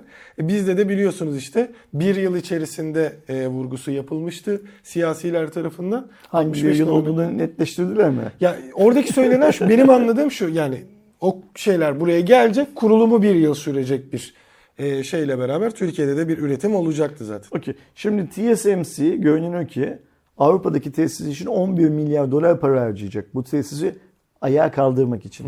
Ve yine görünen o ki Almanya'da olacak bu. Yani Avrupa topluluğu içindeki şeyi, çekişmeyi Almanya kazanmaz. Ama zaten Almanya'nın bu işi Almanya'nın dışında herhangi bir yerde yaptırmayacağı çok net ortadaydı zaten. Bence şey de olarak. öyleydi. Ve nedir önemli nokta? 28 nanometre gibi bizimki gibi teknoloji kanallarını izleyen birçok insanın yani kendilerini Qualcomm'u, Snapdragon'ı, Apple'ın ağ işlemcilerini falan baz aldıklarında o ne diyecekleri bir şey. Avrupa nesiyle meşhur dünyada? Ne? Avrupa'nın en büyük ihracat kalemine Yine otomobil otomotiv. O yüzden 28 nanometrenin için olduğu çıkıyor ortaya zaten şey anlamında. Ee, ve e, TSMC'nin 11 milyar doları bir şekilde Avrupa topluluğu sınırları içinde muhtemelen Almanya'ya gömülecek. Bu şey demek Almanya 11 milyar dolarlık doğrudan yatırım alacak. Hatırlıyor musun geçen haftaki bizim yaptığımız toplam yatırımın kaç lira olduğunu haber aklında mı? Yok sayı olarak değil hemen kontrol TL olarak bazı rakamlar vermiştik. Hani bir şey Almanya'nınki şu kadar, şey. Avrupa topluluğununki bu kadar. e, Sayın Bakan'ın kendi ağzından, Varank'ın kendi ağzından bazı rakamlar söylemiş. Şimdi biz geçen hafta Türkiye'nin işlemci hamlesiyle ilgili haberi verirken bu hamleyle ilgili biraz dalga geçtik. Bunu kabul etmek lazım. Ama bence yiğidin hakkını yiğide verdik. Bunun yapılması da geç kalınmış bir yatırım olduğunu, bugüne kadar çoktan yapılmış ve ilk ürünlerin çoktan Türkiye'deki e, üretilen cihazların, araçların her neyse içinde kullanılabilir olması gerektiğini söyledik zaten. Evet kesinlikle. Hatta orada söylemediğimiz bazı bir şey mesela bizim işte e, yeni bir baz istasyonu projemiz var. Bir buçuk yıl öncesinden, iki yıl öncesinden başlayıp Türkiye'deki tüm operatörlerin Sadece ekipman bilgisi verilmiş bu arada. 30 milyon dolarlık. Zoraki için içine katıldığı. Mesela biz o baz istasyonlarında bile yabancı çip kullanmak zorunda kaldık. Ee, o yüzden Türkiye'deki bu kurulan çip fabrikası tabii ki çok çok önemli. Ama orada neyle dalga geçiyoruz? Geçtim ben kendi adıma. Şununla dalga geçiyorum. Bu işi Katar'daki bir üniversitede yapmak zorunda değildi Türk hükümeti. Bir aynı şey söyleyeyim. TSMC ile yapabilirdin mesela bu işi. Mediatek'le yapar. Mediatek'le yapabilirdin.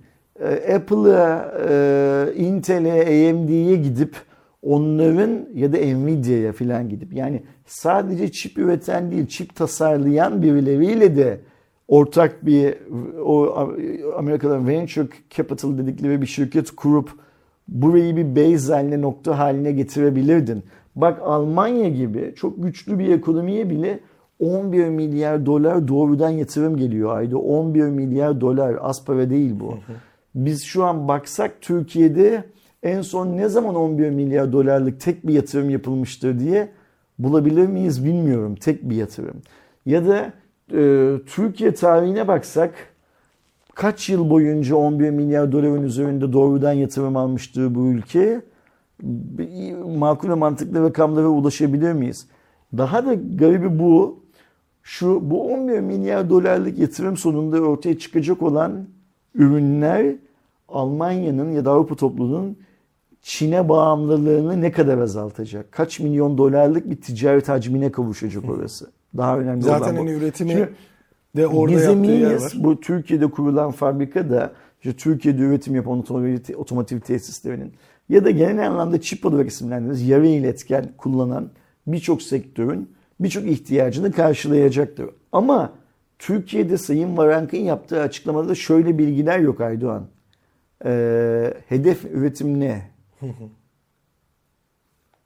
Öyle ya, böyle bir bilgi yok.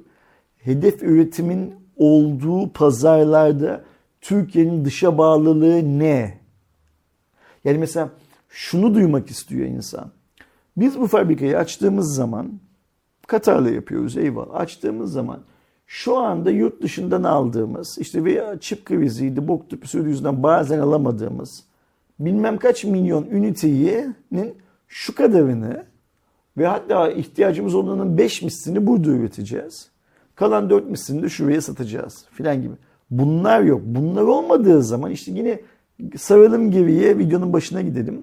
Anlamsız seçim vaatlerinden bir farkı olmuyor. Şimdi mesela Varanka'da şey diye sormak gerekmiyor mu? Abi 21 yıl niye beklediniz çift fabrikasını kurmak için? 21 yıl önceye gitmeyelim.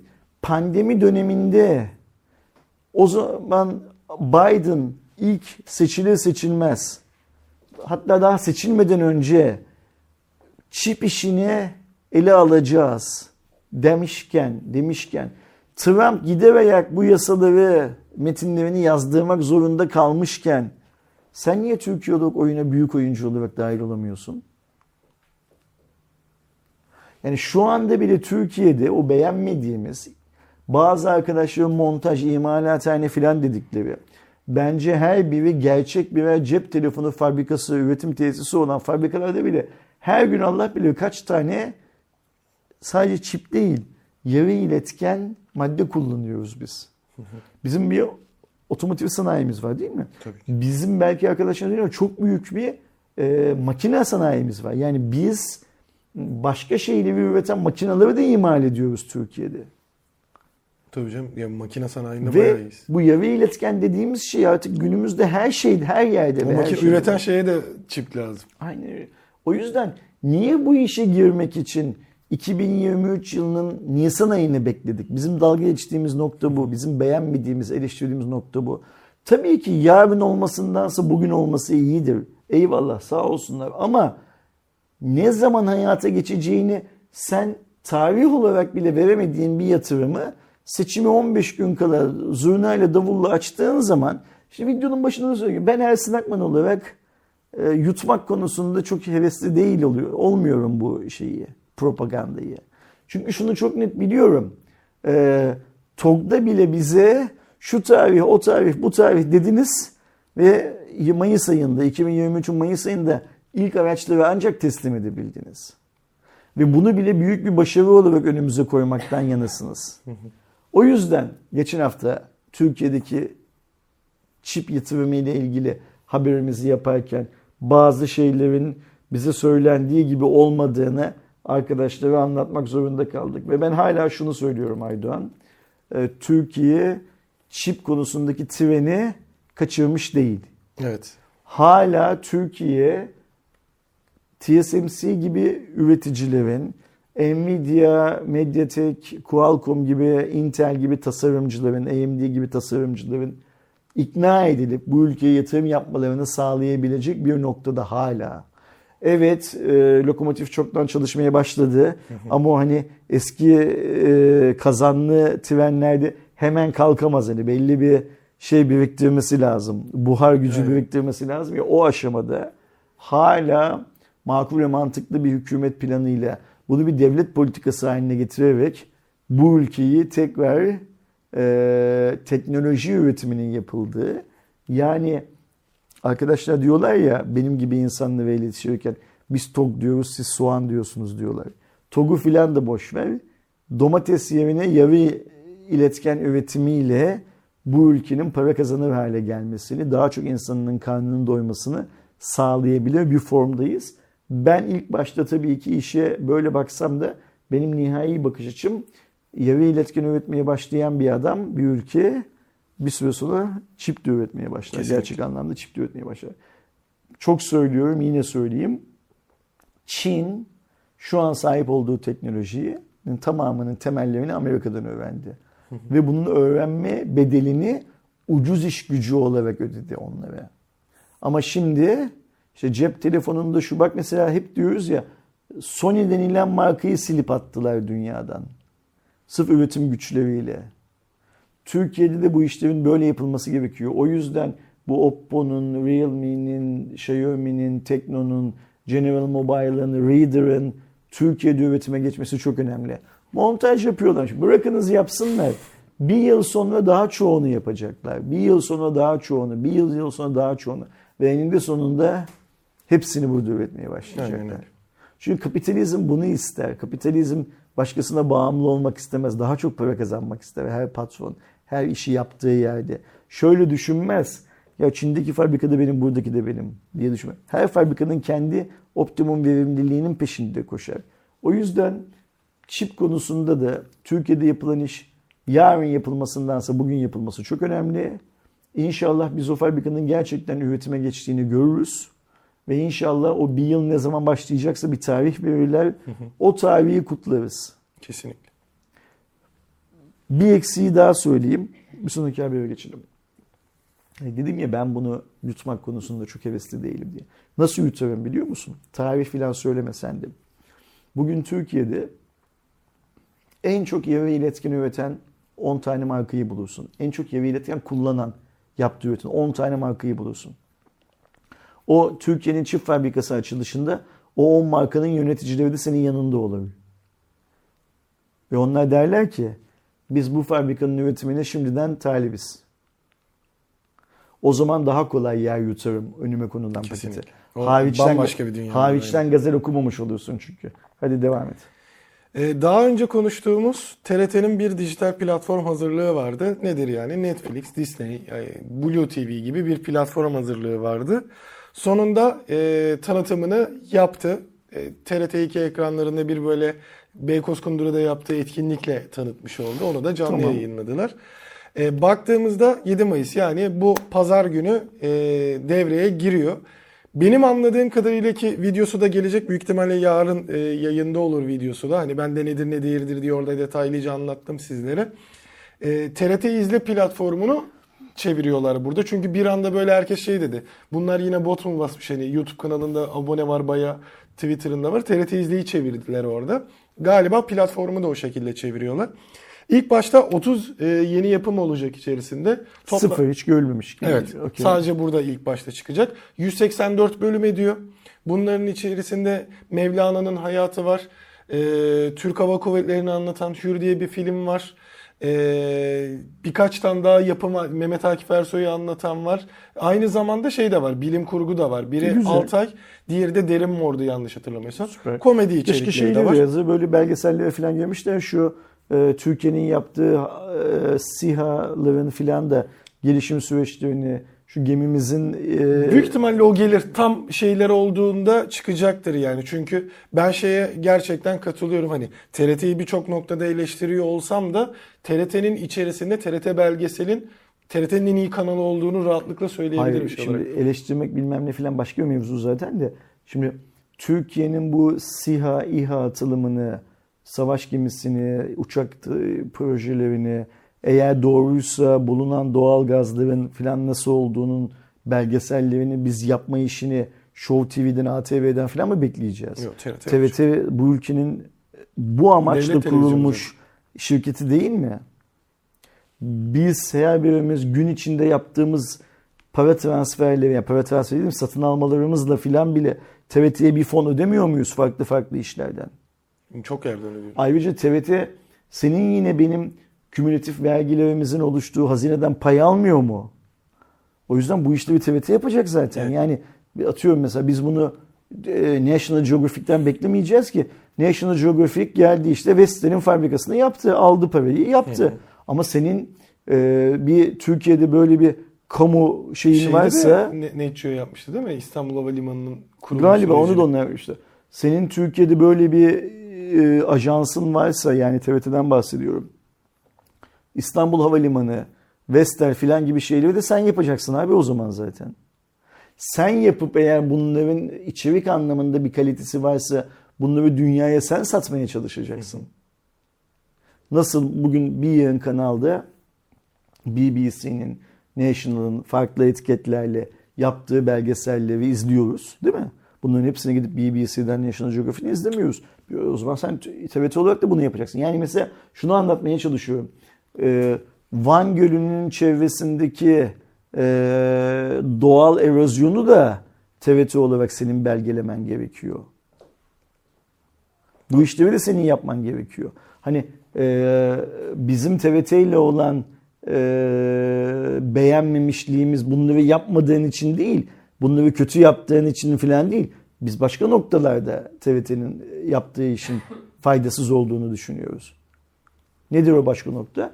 Ben kendi açımdan TRT izlemeyeli bu kadar zaman olmasına rağmen niçin hala TRT'yi fonluyorum gibi bir derdim var benim. Ayrıca e, zaman her şeyin en güzel ilacı TRT gibi kurumların tarafsızlığı elden bırakmıyor olmaları gerekiyor her anlamda. Neyse girmeyelim o işlere şimdi ama bu şey hikayesini bu tabii bana şöyle anlat Aydoğan. Şimdi bizim bu tabii TRT'nin dediği platform Netflix gibi bir şey mi yani? Evet. Ayrıca Tam bir uygulama olacak. Biz bunu abone olacağız. Ücretsiz Para olarak olacağız. Ha ücret para. Şey, e, Türkiye'de ücretsiz olarak Aa, başlıyor. süper, Sonra ilerleyen güzel. dönemde döner mi o işe bilmiyorum ama pazar gününden itibaren şey olacak. Sadece bir eksenlik yapıyorlar. Onu ben videoda da eleştirdim. İlk aşamada Android ve iOS'te bir de internet sitesinde olacak. Evet. Ee, televizyondan izlemek istediğinde yine HDMI bağlaman gerekecek yani. Ha yani ya da tarayıcıdan girmen TV gerekecek. app'leri henüz hazır değil. Yap, yap, yaparlar onu. O çok Bence zor de şey. çok zor değil ama- TRT en nihayetinde bu ülkedeki e, en zengin kurumlardan bir tanesi. Şey vurgusu Yani yapılıyor zaten. Türk mühendis çalışmalarıyla falan Süper ne yapıldı. güzel ellerine sağlık. Bedava izleyeceğiz. Evet. Daha güzel. Peki bu YouTube kanalıyla bağlantısı ne? Ee, ya şöyle TRT izlenin YouTube kanalını e, tabi resmi olarak çevirdiler. Ha okey tamam. Hazır bir sıfırdan Yoksa YouTube o tabinin içindeki içerik YouTube'da falan yayınlanmayacak yani. Yok ama şöyle bir vurgu var. O belki yurt dışı için olabilir. İçeriklerin bazıları da ya da tamamı mı olacak işte aşırı detaylı değil şu an için. YouTube Premium'da da yayınlanacakmış. Okey. Ben bu söylediklerini izlemek isterim. Yani şöyle bir şey var. Bir yeni arkadaşımız Netflix'ten İstanbul e, Fatih Sultan Mehmet belgeseli izledik öyle değil mi? Yapım kaliteli olduğu zaman insanlar oturup izliyorlar. Diyenini öğrenebilirim. Acaba farklı bir şey, bir bilgi var mı? Ya da orada duyduğun, bugüne kadar duymadığın, sana öğretilen tarihle ilgili olan bir şey gerçek mi değil mi falan anlamak için diyorsun. Bu söylediğin şeyler de izlenir bence. Ee, umarım sonradan para diye falan çevirmezler. Yani öyle bir planları var mı ya da sadece yurt dışına mı paralı olacak? Onu şu an şey yurt dışında belli yok. paralı olması beni ilgilendirmiyor. Yani şu yüzden ilgilendirmiyor. Şimdi şöyle düşünüyorum Aydoğan. Eğer TRT'yi fonlayan bizsek hem doğrudan hem dolaylı olarak o zaman bizden para almamalı diye Evet. düşünüyorum. E, George'dan da alıyorsa e, alsın George'dan. Zaten hani Çünkü birazcık- zaten e, Hans da benden alıyor Netflix adı altında filan. Gerçi o da doğru yani. İçerisinde Türkçe, İngilizce, İspanyolca, Urduca ve Arapça dilleri olacak. Yani hem dublaj hem altyazı olarak. Zaten ilk aşamada da o bölgeye çıkacaklarmış. Yani Urduca konuşulan e, bölgeye. Daha sonrasında gitgide gelişecek. E, tabii ki 30 yapımla kalmayacak. İlk çıkışta 30 yapımla beraber çıkıyor ama e, şu anda da anladığım kadarıyla yapımı devam eden ve gelecek şeyler var. Bizi birleştiren hikayeler vurgusunu kur- kullanıyor. Ne güzel. Ve e, o şekilde gidecek. E, bakalım yani nasıl bir şey çıkacak ortaya. Çünkü dediğim gibi mesela Altay diye süper kahraman filmimiz de var. E, işte e, Mevlana, Mehmet Akif Ersoy gibi biyografik içerikler de var. Komedi içerikleri de var, şey de var. Çok güzel. Hayırlı olsun. Fırsatım Ben- olursa cuma, şey, cuma diyorum pazar günü ben de bir bakarım hemen. Evet. Öncelikli ben de bir göz var, atmak yokmuş istiyorum diye. tabii ki. Çok güzel. Arayüzde vesaire iyi olursa onu da çünkü en önemli şeyi zaten dijital platformun şey yani yapan arayüz. bugün dünyada artık arayüz dediğimiz şey e, işin e, niteliğinden daha önce geliyor. yani insanlar birçok şeyin arayüzüne bakıp sıcak bir kullanışlı bulup o işin içine giriyorlar ya da arayüzüne bakıp o işin dışında kalmayı tercih ediyorlar. O yüzden sen arkaya ne kadar muazzam içerikler koysan da arayü mesela bak birçok insan evlerindeki Disney Plus'ı, Amazon Prime'ı içeriğini kullanmayı zor bulduğu için beğenmiyor mesela. Ben çevremden çok duyuyorum. Sen de duyuyorsun. Yani insanlar Ben de çok. Amazon'daki, e, Disney'deki içeriği eleştirmiyorlar çoğunlukla. Oradaki navigasyon sistemini eleştiriyorlar. Belki bu Netflix'in dominant olmasından Evet, kaynaklanıyor. biz Netflix'le alıştık o Belki de. Netflix'in gerçekten çok kullanıcı dostu olmasından Ha, tabii. kaynaklanıyor. O yüzden TRT'de yapan arkadaşlar da yani şöyle düşünmeleri lazım. Disney bile eleştiriliyorsa o zaman bizim çok daha iyi işi ortaya çıkarmamız lazım. Ve böyle durumlarda bazen en iyi olanı alıp kopyalamak günah olmaz. Tabii ki. Yani insanlar Netflix'e alıştıysa ve ver bir Netflix. Çünkü senin aslında platform olarak esas, esas işin içeriğini izletmek. Bizim de öyle işimiz. İçeriğimizde iş, Aynen izletmek. öyle. Neyse. Yani sonucunda nasıl bir şey çıkacak göreceğiz. Hani zaten benim merakla beklediğim platformlardan biriydi. Çünkü en azından şeyle kıyasladığımızda en azından Türkiye'deki Blue, işte Exen, Gain, Mubi e, bunlara nazaran çok daha büyük bir şeyden bahsediyoruz ve e, bu açıdan e, evet ilerleyen dönemlerde hani Netflix'e, Hulu'ya hani e, vesaire o daha şu an kısa bölgede olup açılmayı bekleyen diğer şeylerle HBO Max'le falan kapışabilecek bir duruma gelirse yurt dışında da bu çok güzel bir şey olur. Bakalım göreceğiz. İnşallah, İçerik kısmet. kalitesinde şeyde de neler sunduğunu hep beraber anlayacağız diyelim ve e, önümüzdeki haftanın en önemli gelişmelerinden biri de tabii ki Huawei'nin 9 Mayıs'ta Münih'te yapacağı e, bizim de orada olacağımız e, etkinliği olacak. P60'ı yeni katlanabilir cihazı belki de Nova, yeni nesil Nova cihazlarıyla falan e, globale çıkış. P60 kesin mi şimdi Tabii orada? o zaten kendileri net bir şekilde duyuruyor. Hatta şöyle de bir güzel yanı var. E, tarih olarak bilmiyorum. Yani çok darlamadım Huawei'deki arkadaşları ama Huawei Türkiye zaten bunun duyurusunu haftalardır yapıyor. E, hatta diyor ki işte hani e, sen gelip kayıt olursan işte ön siparişte şey olacak. Beklediğimizden çok daha hızlı gelecek gibi P60 Türkiye'ye. Hmm, yani okey. ya da şöyle bir şey bekliyorum. 9 Mayıs'ta çıkış tarihini kaç diye duyuruyorsa Türkiye'deki çıkış tarihi de Anladım. bence o olacak Ben bu kadar 9 şey var. Mayıs'ta yapılacak olan etkinliğin ağırlıklı olarak Nova seviyesi üzerine kurulu olacağını tahmin Yani ediyordum. şeyler e, basın davetleri ve afişler hep P60 üzerinden gitti. Süper. Yani şimdi P60 ve katlı yeni katlanabilir cihaz cepte öyle Aynen. mi? Okey tamam güzel. Hani bir diğer yandan tabii ki ekosistem de. Yani aslında biz Çin'de ne gördüysek büyük ihtimalle burada da göreceğiz. Ekstraları da olabilir. Çünkü dediğim gibi Avrupa lansmanlarını Nova lansman olarak yapıyordu. Ee, Huawei hep böyle gördük. Hani yine tabii ki P serisinden falan bahsederdi. Ama o daha olurdu. Bu sefer odak P serisi. Fiyatları vesaire noktasında da şey olacak. Ee, P P60 art gelecek mi? İşte Türkiye fiyatları ne olacak vesaire. 9'unda belki e, biz orada Kaan'dan ya da işte e, diğer arkadaşlardan şeyi de duyabiliriz. Türkiye da şu olacak diye o kadar net bir açıklama da gelebilir. Ya ben bu sefer böyle bir sağlam Hadi hazırlık bakalım, var gibi görüyoruz.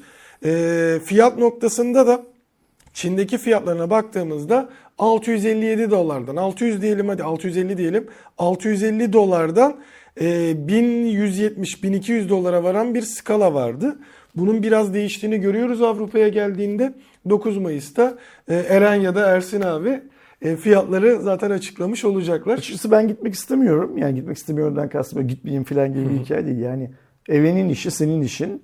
Sen vize alamadığın için, vizen olmadığı için herhangi bir gitmiyorsun. vize yok. Evrenin de başvurusu işte bugün e, ayın 5'i e, pazartesi günü gidilecek. Yani bugünün okeylenmesi lazım. Yani Aynen öyle. Eren'in. Eğer evrenin vizesi bugün çıkmazsa mecburen ister istemez ben gidiyor olacağım Hamburg'a. Bu şeye, Münih'e. Münih'e özür diliyorum Hamburg dedim Münih'e. Bu Huawei lansmanına. Ama gönlümden geçen evinin gitmesi. Yani akşam saat 5'e kadar şu anda saat 12 hatta 1 olmuş. Akşam saat 5'e kadar evinin vizesinin okeylenmesi ve pazartesi sabah erkenden e, Münih'e evinin gitmesi. Bakalım göreceğiz. Onu göreceğiz ve zaten e, 9 Mayıs'taki lansmanda bir canlı yayın yapılırsa e, genelde yapmadıkları da oluyordu ama bence bunu yapacaklar şeyde YouTube'da. Ben de buradan direkt sizlerle beraber değerlendiriyor olacağım. Sonrasında artık e, Eren'den ya da Ersin abiden gelecek videoları ya da bilgileri bekliyor olacağız deyip Türkiye'ye tekrar döndüğümüzde Türkiye'deki belki de hani e, havacılık hatta bence askeri alanda yapılan en önemli işlerden biri de Milli Muharip Uçak'tı biliyorsunuz. Zaten bu proje vardı. Biz F-35'ten çıktıktan sonra daha da bir önem kazandı. E, en son TUSAŞ'ın başına geçen de Temel Kotil'den Çıktıktan değil mi? Çıkarıldıktan sonra. çıkarıldıktan sonra demek daha doğru. Evet. E, adını da Teknofest kapsamında Kaan olduğu açıklandı. Ne güzel. İsim güzel seçilmiş. Hem hani yurt dışında da rahat rahat söylenebilecek vesaire durumu. E, Temel Kotil de Bir yeni doğan kanımız olur. Evet. Bu uçak başarılı olursa eğer. e, Temel Kotil'in de yaptığı açıklamasında TUSAŞ bünyesinde 15 bin çalışanın olduğu, 6 binli mühendis olduğu, e, ilerleyen dönemlerde personel sayısının ciddi oranda artacağı, e, Lockheed Martin'in 60 bin kadar mühendisi olduğunu söyleyerek örneklendirmiş. Yani Lockheed Martin gerçekten havacılığın en büyük e, firmalarından biridir. Hani onlarda 60 mühendis var, bizde 6000 var. Rakamı arttıracağız demiş. Evet. Yani o seviyeye çıkmak istediğini e, dile getirmiş. E, Milli Muharip Uçak ya da artık Kaan demek daha doğru. Kaan'ın Amerika yapımı F-22 ve F-35, Çin'deki J-20, Rus'un da e, Su-57 ayarında olduğunu Ya Süper bir şey. Aynı yani, zamanda- yani şey amiral gemisi olduğunu Evet. söylüyor aslında. Ee, aynı zamanda Fransa, İtalya ve Almanya, Kore'nin geliştirdiği ve kullandıkları uçakların Kaan'ın altında. Orada biliyorsunuz belli başlı seviye şeyleri var. Ee, değerlendirmeli ve söylemleri var. Bizim onlardan iyi olduğumuz e, vurgulanıyor. 2023 yılı içerisinde hatta Aralık ayında ilk uçuşunu gerçekleştirecek. Şu an biliyorsunuz yerde gidiyor falan filan taksini yaptı. Ama şöyle bir şeyden söyleyeyim. Zaten kendisi de bunu e, vurgulamış ama ben birazcık meraklı olarak söyleyeyim. Aralık ayında uçtuğunda 2024'te envantere girecek diye bir şey yok. İlk uçuş test uçuşudur ve bu test uçuşları bütün uçaklar için yani bizim bindiğimiz Boeing'ler, Airbus'lar da dahil, e, askeri uçaklarda da dahil en az 4-5 yıl alır ki zaten 2028 yılında e, teslim edileceği yani envantere gireceği söyleniyor. Blokon uçağı Bunların olarak geçiyor. dünya standartlarında Evet. normal karşılanan Ama süreçler. e, Yani şeyin Temel Kotil'in söylediği 2028'de bu arada e, kime ürettiriyordu? Rolls Royce'tu yanlış hatırlamıyorsam. motorunu. Onun motoruyla çıkacak ama e, yapılan çalışmalarda işte e, belki de artık yatırım vesaire gereğinde 2028'den önce Türk mühendisleri Türk uçağı yani Türk motorunu hazır ederse biz daha önce Türk Süper. motoruyla Ya çok envantere değil girdiğini görebiliriz. ama şey süper bir şey. Zaten dünyadaki uçak üreticilerinin hepsi de kendi motorlarını üretmiyorlar. Bunu E tabii her unutmamak zaman lazım. genelde farklı olur. Bizim hedefimiz 2030. 2028 ya da daha öne çekebilirsek motor üretimini ilk e, uçuşunu yani artık ilk e, Türk hava e, şeyinin daha doğrusu aslında e, Savaş uçağının. aynen e, envantere girişinin e, şeyle olabileceğini görüyoruz. Yani arkadaşlar şöyle düşünsünler bu gecikmeleri, daha gecikme demeyeyim, gecikme dersek haklarını yeriz. Evet. Sürenin uzun olması hikayesi. Standarttır bu. Otomobili test ederken yerde test ediyorsun. Ve otomobil mesela atıyorum ilk sürüşünü yaptığı zaman 10 metre gidip bozulursa eğer tamir etmek çok kolay. Uçak havalandıktan sonra bir sorun yaşarsa o güne kadar yaptığın tüm çalışmayı baştan yapmak zorunda kalabilirsin. Yani ne olur uçak düşerse bilmem ne Bir olursa. de zaten hani Hani bu e, Vested hikayesi vardı ya o- otomobil yarışlarında. Aynen. Onun gibi riskler var ve o yüzden uçak konusunda işte hangardan çıkması çok önemli. Yürümesi çok önemli. Aynen. Çünkü biz zannediyoruz ki işte mesela bir önceki yapılan testte onun gidişi olay. Hayır onun gidişi olay. Onun giderken içinde o kadar çok sensör var ki titremeleri, yakıt tüketimi, motorun sesi, işte lastik Dengesi. basıncı, dengesi, ıvı zıvı falan. Onlar ölçüm için yapılıyor. Yoksa şey diye yapılmıyor. Bak biz uçağı yaptık gidiyor diye bize göstermek için yapılmıyor. Bunların tamamı o ölçümlerin sonucunda eee, şey yapmak, optimize etmek için cihazı. İlk uçuş da öyle olacak tabii ki. Yani ilk uçuşta herhalde şunu da beklemiyoruz değil mi? İstanbul'dan kalksın Kars'a gitsin bilmem ne olsun da falan da beklemiyoruz. büyük ihtimalle yani. kısa bir uçuş yapıp Aynen öyle, Zaten hani aynen öyle. e, her bir şeyde şimdi çok teknik şeylerden e, olduğu için uçak dediğimiz şey e, bunun dediğin gibi mesela sadece lastik basınç testi yapılan bir uçuşta olur. İnerken ki kalkarken ki şeyi. Bilinçli sert iniş yapılır vesaire birçok şey yapılır. Bir diğer yandan kalkacak kanat açıları kontrol edilecek geri dönecek. Bir, onda hata olacak onu bir daha deneyecekler. Hani böyle böyledir ki mesela e, bunun uzay tarafına baktığımızda e, Spaceship'in denemesi yapıldı ve havada patladı. Bu gayet olağan bir şeydi. Ha, ama şeydi aslında diğer kapsülü tekrar bu sefer e, düzgün bir şekilde e, yere indirmekti ama geri dönüştürülebilirdi. Yani yerde sert bir iniş yapıp kullanılmaz halde kullanılmasıydı. Amaç geriye olmasıydı. Olmadı. Bir daha denenecek.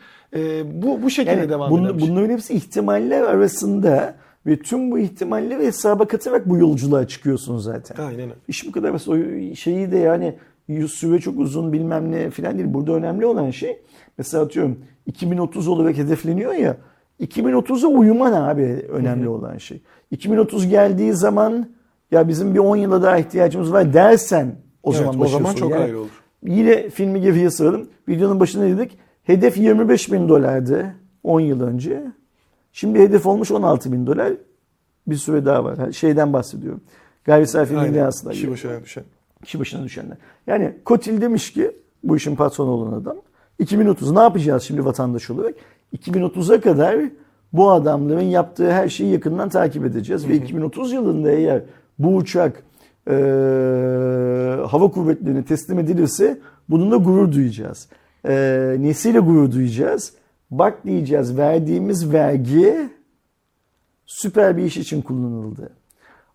Amerika bize bu, bu F-35'i vermiyorsa bizim F-35 kıvamında kendi uçağımız var. Evet şu su F-35'ten daha iyi, bu su F-35'ten daha kötü olabilir. Bu çok normal ama biz bu uçağı şimdi babamızın oğluna parasıyla satarız Evet. artık. Bir de zaten yıl sonra. içerisinde revizeler de oluyor. Sonuçta teknoloji gelişiyor. Daha az maliyetle daha iyi bir şey ortaya çıkabiliyor. Ya da tam tersi durumlar olabiliyor. Bu süreçte her şey değişiyor. Savaş teknolojileriyle ilgili hep söylediğimiz şeyi tekrar söylüyorum. Allah kullanmayı nasip etmesin. Amin. Ama bu işte çok iyi bir para var. Bizim neye ihtiyacımız var en çok? Paraya ihtiyacımız var değil mi? Niye? Çünkü bu işler sayesinde de devlet, hükümet, vatan para kazanır. Tabii ki paranın büyük bir çoğunluğu Aydoğan'ın ya da Ersin'in cebine girmez. TUSAŞ'ın cebine girer. Ama TUSAŞ 6 bin olan mühendis sayısını 60 bine çıkarttığı zaman 54 bin tane daha eve maaş ver- vermeye başlar. Ve mühendis asgari ücretle şey çalışmadığı için de iyi maaş vermeye başlar filan filan. Yani ülkenin ekonomi ülkelerin ekonomileri böyle böyle büyüyor. Eğitim de artıyor. Amerika, Bu sefer savaş uçağı üretmiş ya da işte blokon savaş uçağı üretmiş mühendisler Amerika artıyor. niçin büyük ülke, büyük ekonomi? Aydoğan'ın söylediği gibi Lockheed Martin'in 60 bin tane mühendisi olduğu için büyük ülke. Çünkü bunun gibi onlarca şirket var Amerika'da. Uçak teknolojisi, teknolojisinde, otomotivde, bilgisayarda, şurada burada filan filan. Ve bu adamlar kazandıkları bu paraların tamamını, kendi karları haricinde içindeki tamamını personellerine ver- verdikleri için varlar. Ekonomiler böyle böyle büyür. Bu sayede müreffeh ülkeler seviyesine ulaşır. Ee, sen eğer Kaan'ı yapıp satabilirsen doların önümüzdeki yıl 25 lira mı 30 lira mı olacağını daha az düşünürsün. Çünkü bilirsin ki Kaan satışları sebebiyle ülkeye dolar gelir. TUSAŞ o dolarları alınca mühendisine çalışanına verir, vergisini öder devlete. O zaman doların 20 liradan 25 liraya çıkma olasılığı azalır. Aynen. Havadan yere indiğimizde ise TOG'un teslimatları son söylenilen tarih olarak 30 Nisan'da 10 kişiye yapıldı. Şükür. Adana, Bursa, Elazığ, Isparta, İstanbul, İzmir ve Kocaeli'ndeki e, insanlara Bir uzun yolculuktu TOG değil mi? En sonunda teslimatı yaptılar. artık resmen hani TOG sahibi olan bir e, 10 tane de olsa şu an için vatandaşımız var. E, Vatandaş dediğimizde şey değil. Var ve zıvı bilmem ne Yok, falan. direkt hani- Bu arada ben dün öğrendim ki bu bakanlarla birlikte 5 tane TOG'un ortağı olan büyük şirketin yöneticilerine de en az birer tane TOG verilmiş. hmm, şeye, baba yiğitlere. Baba yiğitleri mesela işte yine öğrendiğim kadarıyla Ümraniye'deki Anadolu Holding'in e, kapalı otoparkında bir tane TOG varmış mesela. Yani onlar yine gayet şey e, olması gereken Plakası bile yok. Tabii ki olması gereken ama burada olması gereken şey şuydu Aydoğan. Ee, bizim Ümraniye'deki Anadolu Holding'in genel müdürlüğünün garajındaki TOG'u TOG'dan duymamız gerekiyordu. Tabii. TOG yöneticilerinin ne demesi gerekiyordu? Biz şu kadar bakana bu kadar. Mesela çünkü mesela Varank'ta iki tane var bildiğimiz kadarıyla. Niye iki tane var mesela Varank'ta? Şu şu şu bakanlıkla ve şu kadar. Yani birer tane vermek zorunda değilsin. Onar tane ver. Ama insanlar parasını yatırmış, sıraya girmiş, beklerken açıklayacaksın.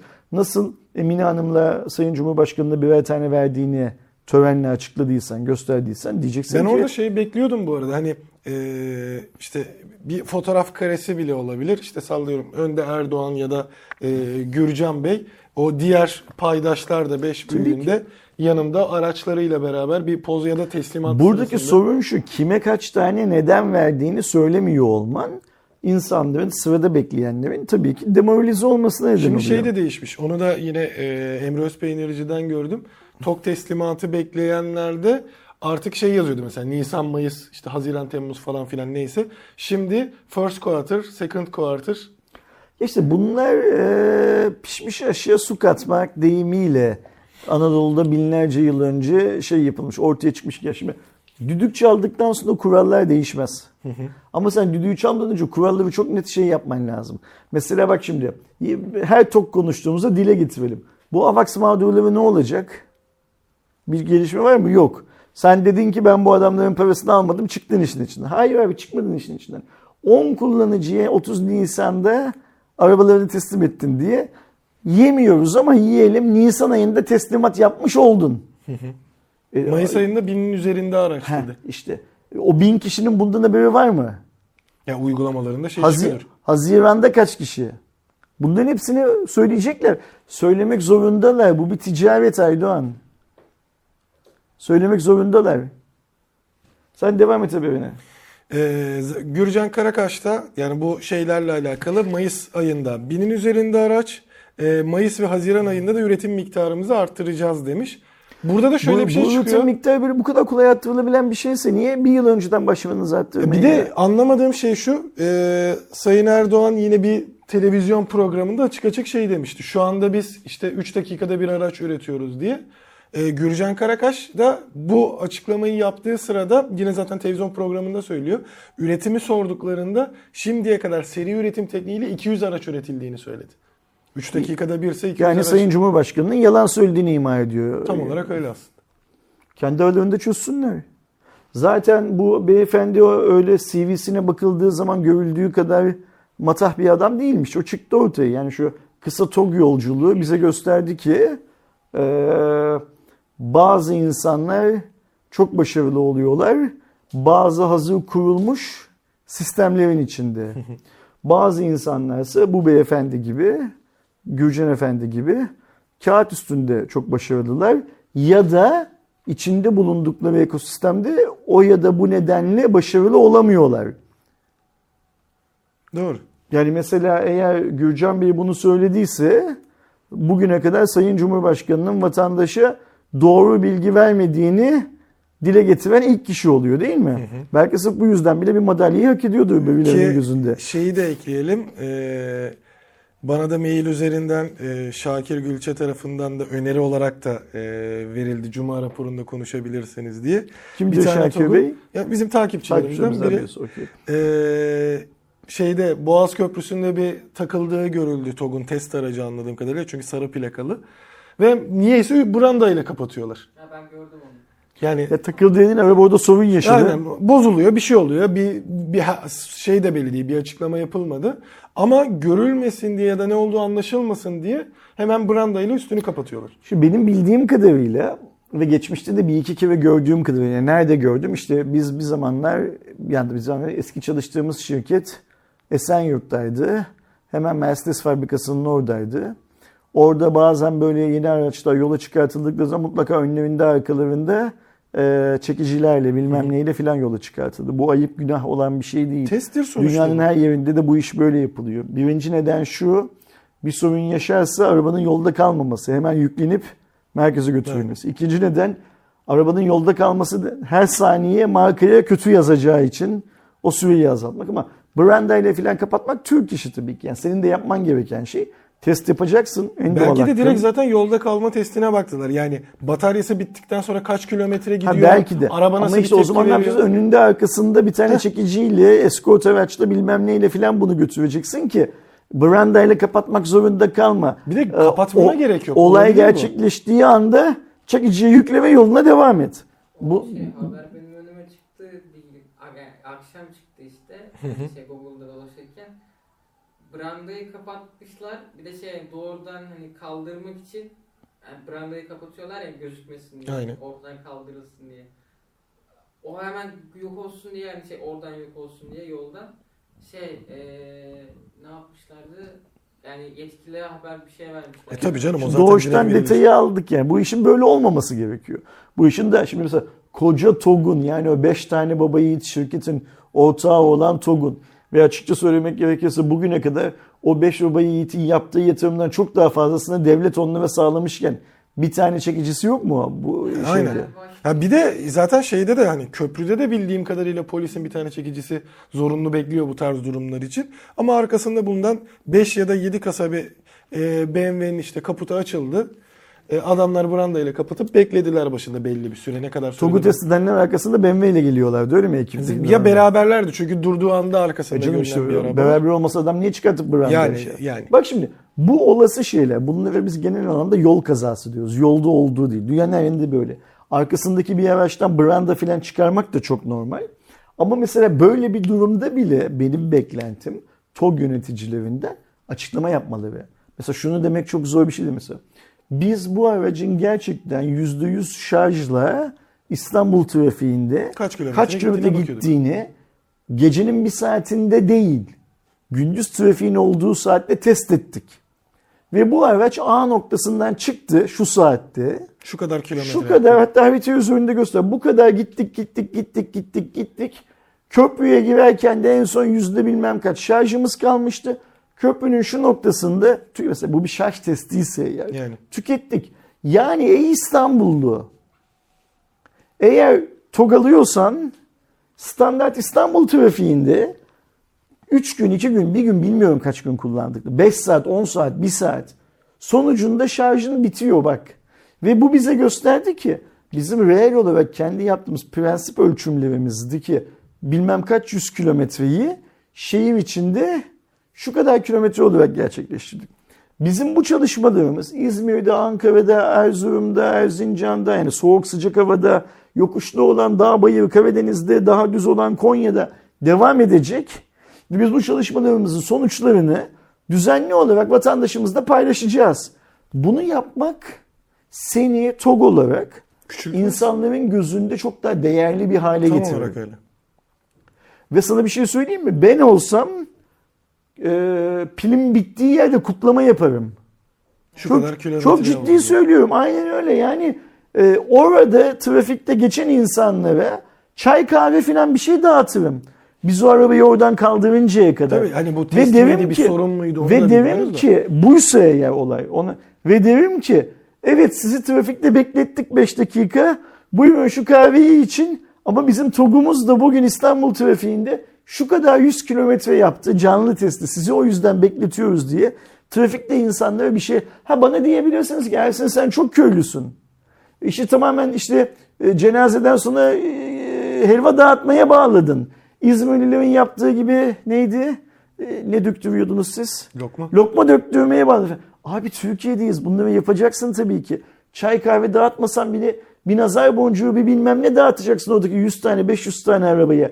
Sizi bu yüzden beklettik diye bilgilendireceksin.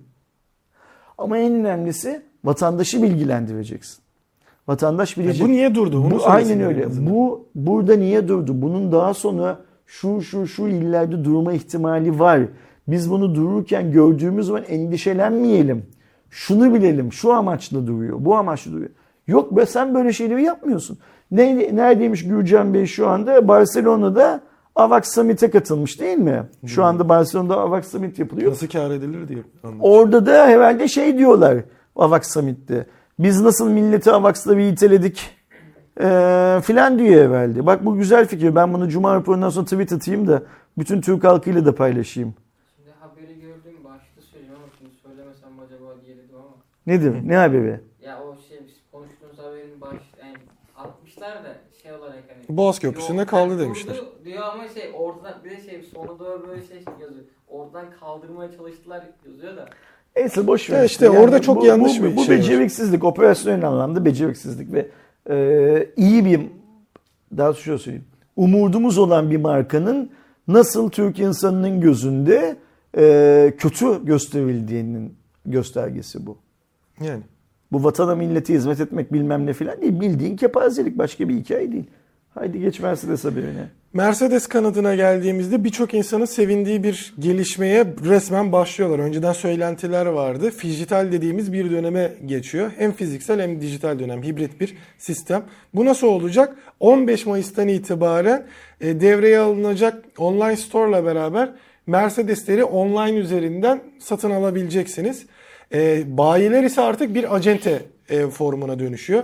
Yani sen aracı canlı canlı görmek istediğinde oraya gidebilirsin. Test için gidebilirsin. Soruların teknik servis için gidebilirsin. Ama satın alırken fiyatı artık Mercedes-Benz Türkiye belirleyecek. Tüm Türkiye'de aynı olacak. Yok şu kadar avantaj, yok bu kadar şey yok. Mercedes bunu 2022 yılının sonunda Evet, duyurmuştu. böyle bir plan Ee, olduğunu. ayrıca bunu yurt dışında da yapmaya başladığını duyurmuştu. Türkiye'de böyle bir e, bizim bayi yağımız biliyorsun çok şey ne derler etkili. Hatta işte ben aynı bayi yağları GSM şirketlerinde de var mesela. Ben ne diyorum?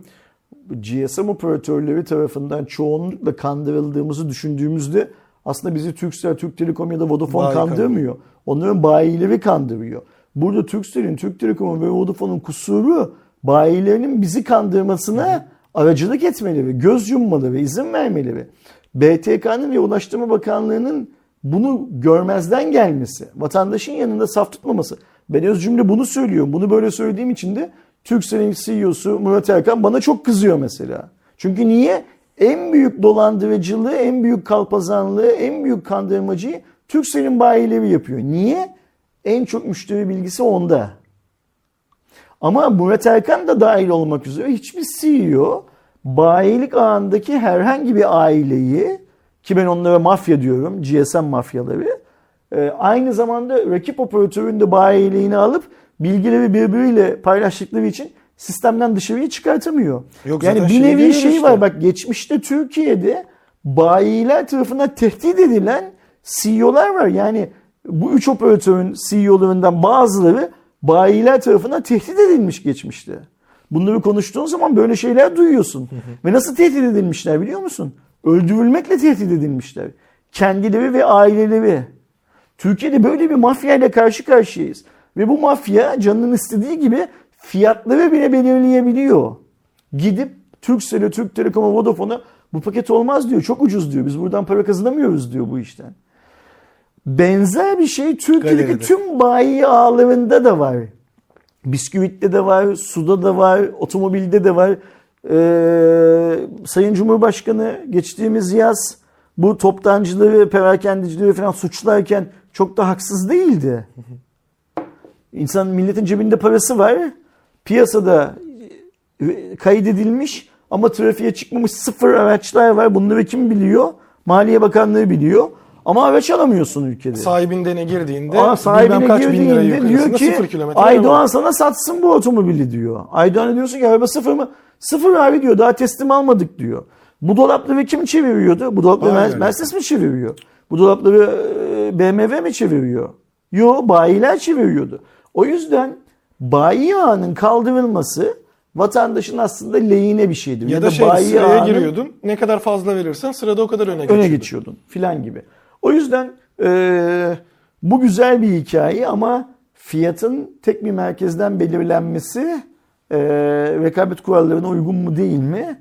Bunu rekabet yani kurulunun da bağlı olduğu Ticaret Bakanlığı'nın araştırması lazım. Zaten bunun da tabii ki eksileri olacaktır belli bir vadede ama bir görmek lazım. Bu tabii ki bir açıdan önemli. Çünkü Çünkü bak şu önemli. Lafını kesiyorum kusura Estağfurullah. bakma. Ne almak istiyorsun? Hayalindeki araba ne? benim şu an için galiba e, XC90 falan. Okey. XC90'ı İstanbul'da Akmanoğulları Otomotiv'den aldığın parayla Kars'taki Aydoğanoğulları Otomotiv'den alacağın paranın birbirinden farklı olması çok normal bence. Niye normal? Bu iki tane aracının, yani bunlar bir reseller, aracı işte. Alıp satan adam. Maliyetleri birbirinden farklı. İstanbul'daki adam e, satış temsilcisine 10 lira maaş veriyordur. Kiraya Kars'taki adam 5 veriyor. lira veriyordur. İstanbul'daki adam 20 lira kira veriyordur. Kars'taki adam 1 lira kira veriyordur. İstanbul'daki adama günde 100 kişiye test amaçlı geliyordur. Arabayla bir tur atıyorlardır. İstanbul'daki adamın günlük benzin maliyeti 10 litredir. Kars'taki adama günde bir kişi gidiyordur. Arabayla bir tur atıyordur. Onun aylık maliyeti 100 liradır, 10 litre. İstanbul'daki adam günde bir tane satıyordur. Kars'taki adam haftada bir tane satıyordur Gümrükten filan gibi getirmesi. parametreler var. O yüzden bunların fiyatların şehirden şehire farklı olması çok normal tabii ki. Mercedes bu hikayeyi nasıl çözeceğini açıklamak zorunda bence. Yani. Bir de tabii şey çok önemli. Bunu da unutmamak lazım. Bunu kendi aralarında konuştular ama basın bültenine yazmamışlar. Mesela ben diyelim ki burada oturuyorum. Burası neresi? İstanbul'un Beykoz iline bağlı Göztepe mahallesindeyim. Mercedes.com.tr'den satış öyle ya şimdi şu anda şöyle bir gerçek var. Mesela bugün bir tane Mercedes Jeep kaç lira diyelim? 2 milyon lira diyelim değil mi? Yani. Okey. Daha yüksektir büyük Okey ihtimalle. 2 de. milyon, İki diyelim. 2 milyon euro diyelim. Ben gidip bunu şuradaki Mercedes bayiinden, Ataşehir'dekinden, Maslak'takinden aldığım zaman buradan o bayinin bir kazancı var değil mi? Herif öyle ya reseller kazanıyor. Şimdi Mercedes 2 milyon liradan bayi pay- payını diyelim ki adam da 50 bin lira kazanıyor bu işten. Mercedes 2 bin liradan bayi pa- pa- payını düşürüp bana bunu 1 milyon 950 bine satmayacağına göre, satmadığına göre eee, benim burada aldığım Mercedes'in kazancı kime yazacak? Yani zaten faturayı artık Mercedes-Benz Türkiye keseceğiz. Yani fatura oradan gelecek. Bak onu Ama söylemiyorum. şey diyor. Araç tescil, plaka ve teslim işlemleri acenteler yürütmeye devam edecek diyor.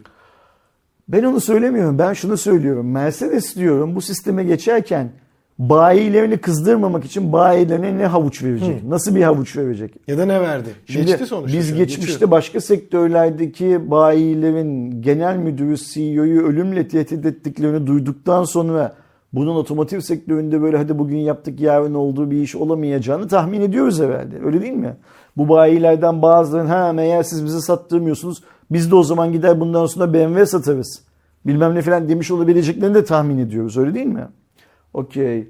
Ee, işte burada Mercedes'in şunu açıklaması gerekiyor. Bayiler kendi paylarını hangi oranda tutuyorlar? Niye açıklaması gerekiyor biliyor musun? Ben siparişi BMW'ye vereceğim, Mercedes'e vereceğim. Sırf aynı bölgede oturuyoruz diyor. Benim bölgeme baktığı için bir herif bu işten para kazanacak. Abi bana hep indirme o zaman. Öyle ya ben internetten kitap aldığım zaman daha ucuz alıyorum değil mi? Yani. Her, ne alırsam alayım internetten daha ucuz alıyorum. Otomobil Mercedes aldığım zaman niye daha ucuz almayacağım? Bu konuyla ilgili bir açıklaması var Mercedes'in. Yok. Yani aradan bayi yağını çıkartıp çıkartmadığını Mercedes'in aslında bilmiyoruz. Aynen. Şimdi niye böyle bu kadar detaylandırdığımızı da söyleyeyim. Almanya'da aradan bayi payını, şeyini, e, payını çıkarttığın zaman otomobil fiyatlarının azaldığını biliyoruz Aydoğan.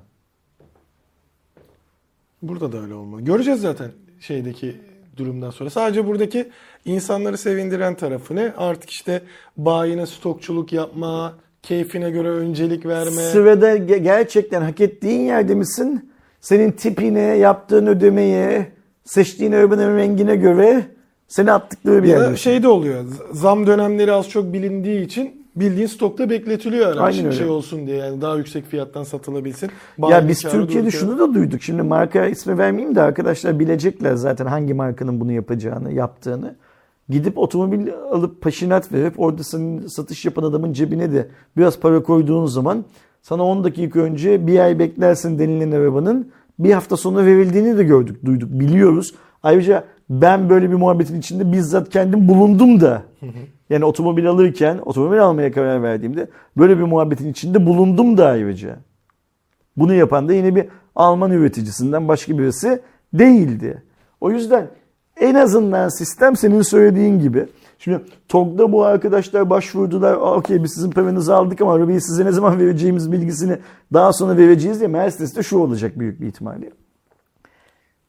Konfigürasyonunu seçerken işte atıyorum sunroof koyduğun zaman teslimat tarihinin bir hafta ileriye gittiğini, bilmem neyi değiştirdiğin zaman bir hafta öne geldiğini filan filan her şey ya da o konfigürasyonu teslim sipariş edemeyeceğini. Çünkü şu anda ne Türkiye'de hazır satışta gelmiş olan ne biliyorsun otomobillerin çoğunu gümrüklü bölgede bekletiyorlar. Ne gümrüklü bölgede ne de uçakta ya da gemide senin seçtiğin konfigürasyonun olmadığı için Ya da şey sipariş veremeyeceğini göreceksin zaten. Bu aynen şey gibi.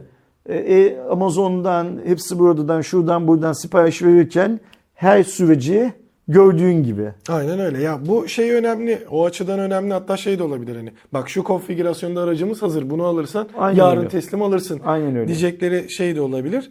Ee, buradaki işte güzel yanlarından biri de şey de vardı söylediğimiz hikayede. Hani bağ şu kadar verirsen öne geçersin diyordu. O kadar parası olan galeci, galeciler de bayiyle anlaşıp aracı satışa hiç koymadan kendine alıyordu. Ve işte dediğimiz gibi şimdi gir sarı sayfaya istediğin aracı sıfırını bulabiliyorsun. Şeffaflık konusunda bana söyleyecek olursanız Mercedes-Benz Türkiye'nin biraz daha şeffaf olması gerekiyor. Bu uygulamaların Türkiye'deki hala hazırdaki e, rekabet kanununa vesaire vesaire uygun olup olmadığını da Ticaret Bakanlığımızın Zaten çok şeyden denetleyip, yakından denetleyip evet uygundur diye de ayrıca böyle bir hani koşer belgesi, helal belgesi gibi de bir belge vermesi bence şey olur. e, toplumun e, içine düşen, düşebilecek olan, düşen bazı kurtları düşürmemesi açısından da faydalı olur bence. Umarım ki şeyi de göreceğiz. Yani ne kadar iyi olursa ilerleyen dönemde işte Hyundai'nin, Renault'un, işte Stellantis'in falan bu sisteme geçtiğini de görebiliriz. Daha mantıklı. Şeyi şey. de söyleyeyim. Bunun bir sonraki aşaması da eğer bakanlık benim söylediğim gibi bir şey yaparsa bir sonraki aşamasının da şu olması lazım. Bugün sıfır bir araba aldığın zaman kimden alıyor olursun? Sigortanı benden yaptırırsan şu kadar fiyata alırsın. Sigortanı başka yerden yaptırırsan bu kadar fiyata alırsın. Ya da banka otomobil alacağın e, markanın seni yönlendirdiği marka sana kredi verirken sigorta paketi içinde yüzde şu kadardan sigorta paketi dışında yüzde bu kadardan diye bence hem ahlak dışı hem de bildiğim kadarıyla Türkiye Ticaret Kanunu'nun maddelerine çok uymayan yaptırımlarını da yine bakanlığın şey yapması lazım. Buradaki bankaya ceza kesmesi gerekiyorsa bankaya, acenteye ceza kesmesi gerekiyorsa acenteye ceza keserek vatandaşın kendi özgür kararını vermesini sağlamak zorunda. Kim sağlamak zorunda? Devlet. Devlet. Kim? Bakanlık. Kim? Bakan beyimizin aklına gelip şunları bir kontrol edin demesi lazım. Başka bir bakan beyimizin aklına Çin'den gelen zarflar gelmişti değil mi? Şunları bir kontrol edin dedi. O zamandan beri Çin'den kablo alamıyoruz.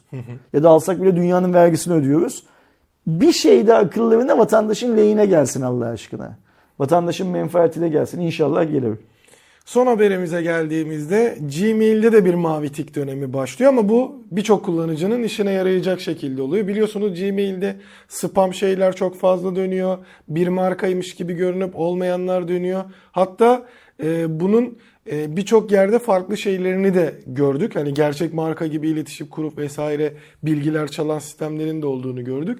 Gmail bu yüzden bir mavi tik sistemi getiriyor. Yani Twitter'daki Twitter Blue ya da Instagram'ın da Türkiye'de artık paralı verdiği mavi tik kısmı değil onaylı hesaplar yani sana bir sallıyorum Google'dan mail geldiğinde yanında mavi tik varsa bunun gerçekten senin artık ekstradan araştırmana gerek kalmadan gerçek markadan gelen bir mail olduğunu anlamını sağlayan bir sistem. Şimdi KYC diye bir şey var hayatımıza giren. İşte bu kripto para borsalarıyla falan çok girdi. Sanki herhangi bir kripto para borsasında bir hesap açtığın zaman sonuçta o bir banka hesabı gibi bir şey aslında. Ve için içinde para da olduğu için kara para aklama falan da çok önemli. Kripto para borsaları genellikle sana diyor ki bu açtığın hesapla diyor 3 tane alırsın, 5 tane satarsın, işte 2 tane transfer edersin filan. Ama sonsuz ya da daha geniş paketlere ihtiyacın varsa bizim kimlik onaylama süreçlerimizden geçmen lazım diyor. Mesela nedir? Kimlik onaylama sürecinin bir tanesi bana diyor kendi adına bir elektrik faturası, doğalgaz faturası bilmem ne filan gibi bir şey gönder diyor. Bu bende kalacak. Kimseyle paylaşmayacağım. Ama senin günlük işlem limitini arttıracağım diyor. Genellikle son aşamada da bana e, devletinin sana verdiği kimliğini ya da pasaportunun bir fotoğrafını gönder diyor. Limitsiz olsun diyor. Aynen. Ee, ve bu sayede kripto para borsasında açtığın hesabın para aklama, şantaj, rüşvet vesaire vesaire gibi yasa dışı yollarda herhangi bir işin kullanılmamasını, kullanırsa da kimin kullanıldığını bilip o bölgeye ait otoritenin, o ülkeye ait otoritenin bu adamdan hesap sormasının önü açılıyor. Şimdi geldiğimiz noktada Gmail hesapları üstünden de bir yığın dolandırıcılık yapılıyor. Ve bu yeni değil. Kripto paradan daha eski bir şey. Anladığımız kadarıyla Gmail yöneticileri de Google'da diyor ki ya ben bu hesabın Aydoğan'a ait olduğunu, Ersin'e ait olduğunu, Doğuş'a ait olduğunu bu adamlardan ya da bizim kurumsal taraftaki işlerimizi kullanıyorlarsa, çözümlerimizi kullanıyorsa kurumlardan teyit edeyim. Böylece birisi Ersin Akman'dan bir mail aldığı zaman bana bir 100 dolar gönder maili aldığı zaman bunun Ersin'den mi gelip gelmediğinin bilincinde olsun. Mağduriyet daha oluşmadan mağduriyetin önünü alalım. Evet. Fikren güzel. İnşallah uygulamada da işe yarar. Yani hani oradaki markalara nasıl onaylatacak ya da oradan bir ücret talep edecek mi isteyebilir yani. İşte uygulamada göreceğiz neyin ne olduğunu. Ama şöyle bir şey var. Ben mail sunucumu Google'da tutuyorsam bunun için benden ekstra bir şey almamalı, ücret almamalı. Ben zaten mail hizmeti için Google'a bir para veriyorsam hala hazırda. Şirket olarak konuşuyorum. E, bireysel kullanımda da bana sen Ersin Akman olduğunu bana ispatla demeli sadece. Senin Ersin Akman olduğuna ikna oldum ama insanlara senin Ersin Akman olduğunu söylemek için bana bir para ver derse olmaz bu hikaye. Evet. Çünkü buradaki güvenilirlik sistemi önemli. Biz Gmail'e güvenecek miyiz? Güvenmeyecek miyiz? Tam olarak. Gmail'in bir şey bir şey.com mailden bir farkı var mı yok mu? İşin şeyi bu. Ne derler? Olayı bu. Bak farkındaysan eskiden Twitter hesabını da herhangi bir e-mail adresiyle doğrudan açabiliyordun. Artık Twitter'da bir e-mail hesap açtığın zaman senden mutlaka bir telefon numarası istiyor.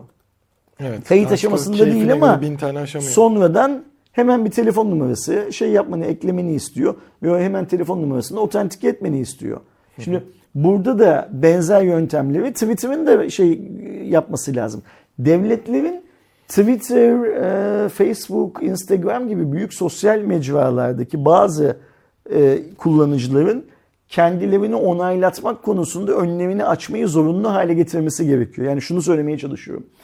e, Elon Musk benden para alarak bana şimdi mavi tık veriyor ya bir başka tık uydurması gerekiyor kıçından. Ve mesela Amerikan hükümeti, Türk hükümeti işte bazı anlaşma, toplu anlaşmaları imzalayan 20 tane hükümet Twitter'dan bunu zorunlu kılmalı. Ne, ne diyor zorunlu kılmalı? Eğer bir Türk vatandaşı olan Ersin ya da bir Alman vatandaşı olan Hans ya da bir İngiliz vatandaşı olan David Twitter'a pasaportunu gönderirse ve bu hesap benim derse o hesabın onaylanmış olması lazım. Biz böylece başka Ersin'lerin, başka David'lerin, başka Hans'ların sahtekar olduğunu anlamalıyız. Zaman zaman zaman içinde bunları yazıyor ve Alan bu işten para kazanamaz, kazanmamalı. Kesinlikle. Bak bu söylediğim şeyin aynısını şu anda Post diye bir tane yeni platform var ya Post yapıyor. Post'ta ben kendimi onaylatmak istiyorum diye başvurursan sana diyor ki tamam diyor süper diyor iki şey yapman lazım diyor. Birincisi diyor Twitter adresine çünkü sen register olurken senden Twitter adresini okuyor. Twitter adresine lütfen git diyor post adresini yaz diyor. Biz onu bir görelim. Yani o Twitter adresinin gerçekten sana ait olup olmadığını kontrol ediyor. Okey yazıyor. İkincisi de diyor bana diyor kimliğini ya da pasaportunun e, o sayfasını, pasaportunun o sayfanın gönder diyor. Alır almaz hemen diyor seni şey yapacağım, onaylayacağım. Yani neyi onaylıyor biliyor musun? Ersin Aydoğan Doğuş, Hans David özel bir adamdır ve onaylamıyor. Twitter'ın vaat ettiği gibi. Gerçek bir insandır. Bunu onaylıyor. Ne güzel işte. Zaman içinde tüm sosyal medyaların bu aşamaya gelmesi lazım. Bence eğer Gmail bu işi ım, ücretsiz olarak yaparsa bir örnek teşkil eder ve dünyanın iyiliği için bir şey yapmış olur. Senin söylediğin gibi ücretli olarak yaparsa Mark dediğimiz dallamadan, şey Mark diyorum pardon, Alan dediğimiz dallamadan hiçbir farkı olmadığını. Ya şu an değil bize- gibi zaten. bize- gösterir. Aman der orada bir damlama ihtimali var bir şeyin. Altına bir kazan koyayım da damlaya damlaya o da biriksin bari. Hiçbir şey yapamıyorsak e, çiçekleri sularıza çevirecekleri işi. E, bokunu çıkartmak böyle oluyor. Musk'ın her zaman yaptığı şeyin Türkçe tercümesi çünkü bokunu çıkarmaktır. Ama benden de şey, şimdi siz öyle söylediniz ya, e, ben de bir tane şey gördüm, Discord'da şey, Discord kullanıcıların etiketi artık yok oluyormuş. İsi, isim giriyorsun sadece. Ha şey, eee, Arkadaş ekleme kısmı var ya, aynen. oraya e, etiket var ya şimdi. Anladım. Etiketi kaldırıyorlar. Ha, orada da gerçek karakterler Evet, olsun gerçek falan diye. Yazınca Yani Discord'un da öyle bir şey yapıyorsa Şu Discord dünyadaki en e, üreticisi tarafından kontrol edilen platformlardan bir tanesi bence. büyük ihtimalle. çok büyük yolsuzlukların, çok büyük dolandırıcılıkların döndüğü ama buna rağmen kontrol mekanizmasının çok yukarıda olduğu ve tabii ki en nihayetinde para kazanma amaçlı bir platform. Yani o da sana sürekli bir şeyler satmaktan yana. Sunucuyu daha iyi hale getir falan Aynen diye. öyle. Ya da zengin olmak istiyor adam belki. Daha zengin olmak. Bunu hiç kimse zengin olmak istiyor diye onu yargılayamıyor. Mesela biz Elon Musk'ı da daha çok zengin olmak istediği için eleştirmiyoruz. Elon Musk'ın uyguladığı yöntemlerin e, bu günümüz Her normlarında ahlaksızca olduğu için eleştiriyoruz. Mantıksız olduğu için eleştiriyorum. Ben kendi açımdan böyle eleştiriyorum. Yoksa Elon Musk dünyanın en zengin adamı olsun. Beş misli zengin olsun. Umurumda değil. Derdimiz onun kazandığı para değil. Derdimiz ee, bugün bir tane karikatür gördüm. Sen de gördün mü mesela? Cana vereyim o karikatürü bulurum. Adamın teki Twitter'da mavi tıklı olduğu için seviniyor. İlk, ikinci kere de içiyor ki etraftaki her şey mavi tıklı. Aynen. Köpekte, ağaçta, arabada. bir- Çünkü o parayı veren herkes mavi tıklı oluyor filan. Eleştirdiğimiz şey için Şimdi vermemek şey oldu böyle. bu konu, bu, bu oldu. E, bu mavi tık haberini ilk konuştuğumuz zaman söyledim ya sana burada. Amerika'daki çizi, bazı komedyenler yani bu komedyenler değil Amerika'da muazzam bir komedi club kültürü var. Yani ünlü komedyen dediğimiz şey illa Amerika'nın Cem Yılmaz'ından falan bahsetmiyoruz. Orada eyaletlerde, kasabalarda, şehirlerde bile bu komedi club'lar var. Bizde de yeni yeni başlıyor işte. Bu şeyle birlikte değil mi? Ee, Kadıköy'deki. Kadıköy'deki hikayeyle birlikte bir tuz biber. başlıyor. Oraların kendi meşhurlarının büyük bir kısmı e, Twitter'ın bu mavi tiki alacağını duyurdukları zaman dedim ya çok memnun oldum. Artık 5 dolar ödeyen adamla aynı şeyde sınıfta olmadığımı herkes görecek diye paylaşımlar yaptılar. Yani bu insanların tercihi. Ben şeyi eleştirmiyorum. Kimse öyle düşünmesin.